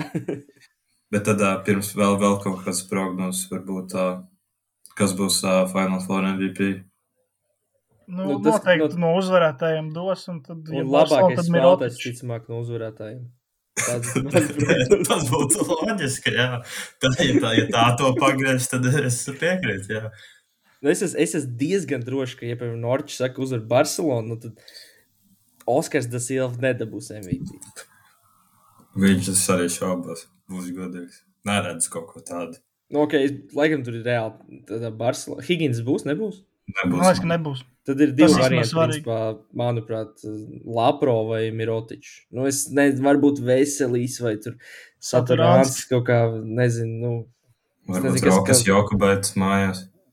Es tas būtu kaut kā baigi šaubos. Man reāli liekas, ka tāpat, nu, viņi jau, teiksim, kaut kādi 70, 80% ka Mirotičs un tad 15 Jā. Lapro un tad pārējiem vēl mazāk. Tas man, es tā sadalītu. Jā. Man liekas, interesantāk, ja Olimpijākos uzvar, un tad, piemēram, visi spēlētāji spēlē plus mīnus, tā kā viņi parasti spēlē, tad tur Slukas vai Vezenkovs, tur nu, atkarīgs no tam divām spēlēm. Bet, nu tā, ja viņi abi līdzvērtīgi nospēlē, tad tas ir interesants jautājums. Tas man liekas, ir atkarīgs no tā, cik, cik tās spēles ir sīvas. Jo tad, ja ir sīvas spēles, tad mēs zinām, ka Kostas Lukas ir krietni labāks par jebko. Nu, principā, ļoti iespējams labākais no visiem. Tas gan diskutabli. Bet, nu, ja, piemēram, Olimpijāks puslīdz stabili uzvar, labi, kaut gan cik stabili Final Four var uzvarēt spēles, tad, tad At- varētu būt Vezenkovs. Tas, starp citu, viena lieta, ko es ļoti ceru neredzēt. Kaut kāds blowouts. Ok, bronzas mačā tas var būt. Bronzas mačs nevienam neinteresē. Bet uh, pusfinālos un finālā es ļoti ceru, ka mēs iztiksim bez blowoutiem. Tas it kā tāpat ir diezgan uh, masticams. Bet es vienkārši ceru, ka tiešām tas nepiepildīsies. Un otra lieta, Jā. ko es negribētu redzēt, ir, ka kāds atkārto to, ko Jabusēlī izpildīja pavisam nesen. To var vispār jau Pats, pats sportā. jau Selor būtu sportā. atbrauks gan jau. Viņš atbrauc, viņš ir, jā. Es Nu, redzēju. Un Tad es tiešām negribu, Reāls man bija atbraucis, kas man likās interesanti. Jo, piemēram, bija gan Jabas Ele, gan Karls Alasens, kurš nav spēlējis basketbolu. Tagad jau pusgad, pusotrs gads riņķī viņš nav spēlējis vispār. Viņš ir aizlidināts, bet Gab Gabriels Deks ir atstāts Madridā. Bet tu Viņam svaigākā trauma, viņam- jā. Varbūt tur operācija vai vēl kaut kas. Jā, jā, jā. Nē, nu, moši. Nav tā, Es- ka viņam neinteresē. Nu, nē, es nezinu, var jau kaut kāds komandas fizio, vai var, var jau viņu pavingrot reizes dienā. No, jau, Nu, es no. domāju, ka tas nav tik vienkārši. nē, nē, nu gan jau, sevišķi. To, ka es biju, es biju nedaudz pārsteigts, ja to, kas tur bija aizlidināts, kas nebija uz turien. jā, bet tiešām es lielākais prieks, ka Geršons ir ieradies. Es, es, Es klusībā ceru, ka Kevins Durants atbrauks. Jā. Kaut gan es ne, nespēju iedomāties, ka viņš atbrauks uz kauņu. es arī es Varbūt, ja Džeims tiek finālā, ja viņi uzvar pusfinālā, tad Maiks sestdien raksta, ka Dīlai brauc šur. Domā, viņš var svinēs. atļauties. Nav jau tik lēts. Es jau nezinu, viņam tur tagad sketči, viņš tagad nevar apaļīgo vīru no Serbijas apspēlēt, viņš nav tagad bezdarbnieks, viņam nebeidzas līgums. Diez vai. Ka Viņš ir baigi turīgi, baigi turīgs bezdarbnieks. Nu, pabalsti, pabalsti. Bet es, es, es prognozēju, ka MVP būs Mirotičs. Bet es ceru uz Edītu varas. Tā ir man, tā ir man cerība. Ziniet, kas man tādu dod tādu nelielu tādu pozitīvismu un tādu klusu cerību, tas, ka, ka mēs it kā diezgan ļoti vienojamies par to, ka Barcelona uzvarēs, un parasti zinot mūsu prognozes, tā vienkārši nekad nav. Tad es ļoti ceru, ka tā nebūs. Nu, Gan es parasti, skaidrs, ka uzvarēs viena no četrām komandām. Tas- Domā? Jā, tā vajadzētu būt. Nu, visticamāk. Jā, varētu. Nu, es, es, protams, nevaru garantēt neko, bet nu, tā izskatās pagaidām. Uz, uz to, uz to visu iet. Zinu, ko es vēl varētu priekšlaicīgi noprognozēt. Man tagad ir iepaticies pēc eh, iepriekšējā trāpījuma. Vai kamēr mēs vēl nezinām finālistus, es jau pateikšu, ka tā būs Barcelona un Olimpijākus. Un nebūs nekāds blowouts. Mēs finālā sagaidīsim vienkārši fenomenālu maču, kur spēles 40. minūtē Barcelona tomēr izdara izšķirošo izrāvienu un uzvar čempionu titulu. A, Piemēram, ja mēs tiekam līdz 40 minūtē, kurš Barcelona gūs grozus, jo no Higgins nav. Nu, tur sodiņi gan jau būs jāmet. Zinu, kā ka tur plus 2, plus 3, tad viss tev sodas sit un tā. Jo Olimpijākas mēs zinām, kurš tev 4, 40 minūtē finālā atnes punktus. Barcelonā tur, nu, tur ir. Nu, bet ir opcijas, ir opcijas. Nu, Atradīs kādu. Nu, atrast, atrast visu, var, bet jāiemet jau tomēr kaut kas arī. Bet to es nezinu, laikam. Ja jums Jā, ir vēl kaut kas. Nē, vienkārši gaidām spēles un būs bomba. Nē, mēs laikam piemirsām drusku par, uh, ko es sākumā minēju par uh, Eiropas uh, Nacionālā čempionāta playoffiem parunāt, bet to varam pēc tam vēlāk. Jo, kad sezona beigsies, tad gan jau ierakstīsim vienu epizodu par Eirolīgu kaut kādu lielāku kopumā, par, par sezonu un par Final Four atskatoties. Un tad pēc tam gan jau paturpināsim ar pāris vietējiem čempionātiem. Ja Tur Vācijā ir interesants lietas notikušas. Tur Itālijā ir, uh, ir pāris intrigas. tā Kā, jā, Nu, jā, tiek Jā. nākamreiz. Jā. Un uh, ļoti centīsimies ierakstīt arī pēc pusfināliem vēl vienu epizodi un apspriest tur redzēto un parunāt, kas tad notiks finālā un bronzas mačā. Tā kā pieslēdzieties arī tam jau šajās brīvdienās. Paldies Jā. visiem! Čau! Visiem čau, halā. Čau, čau.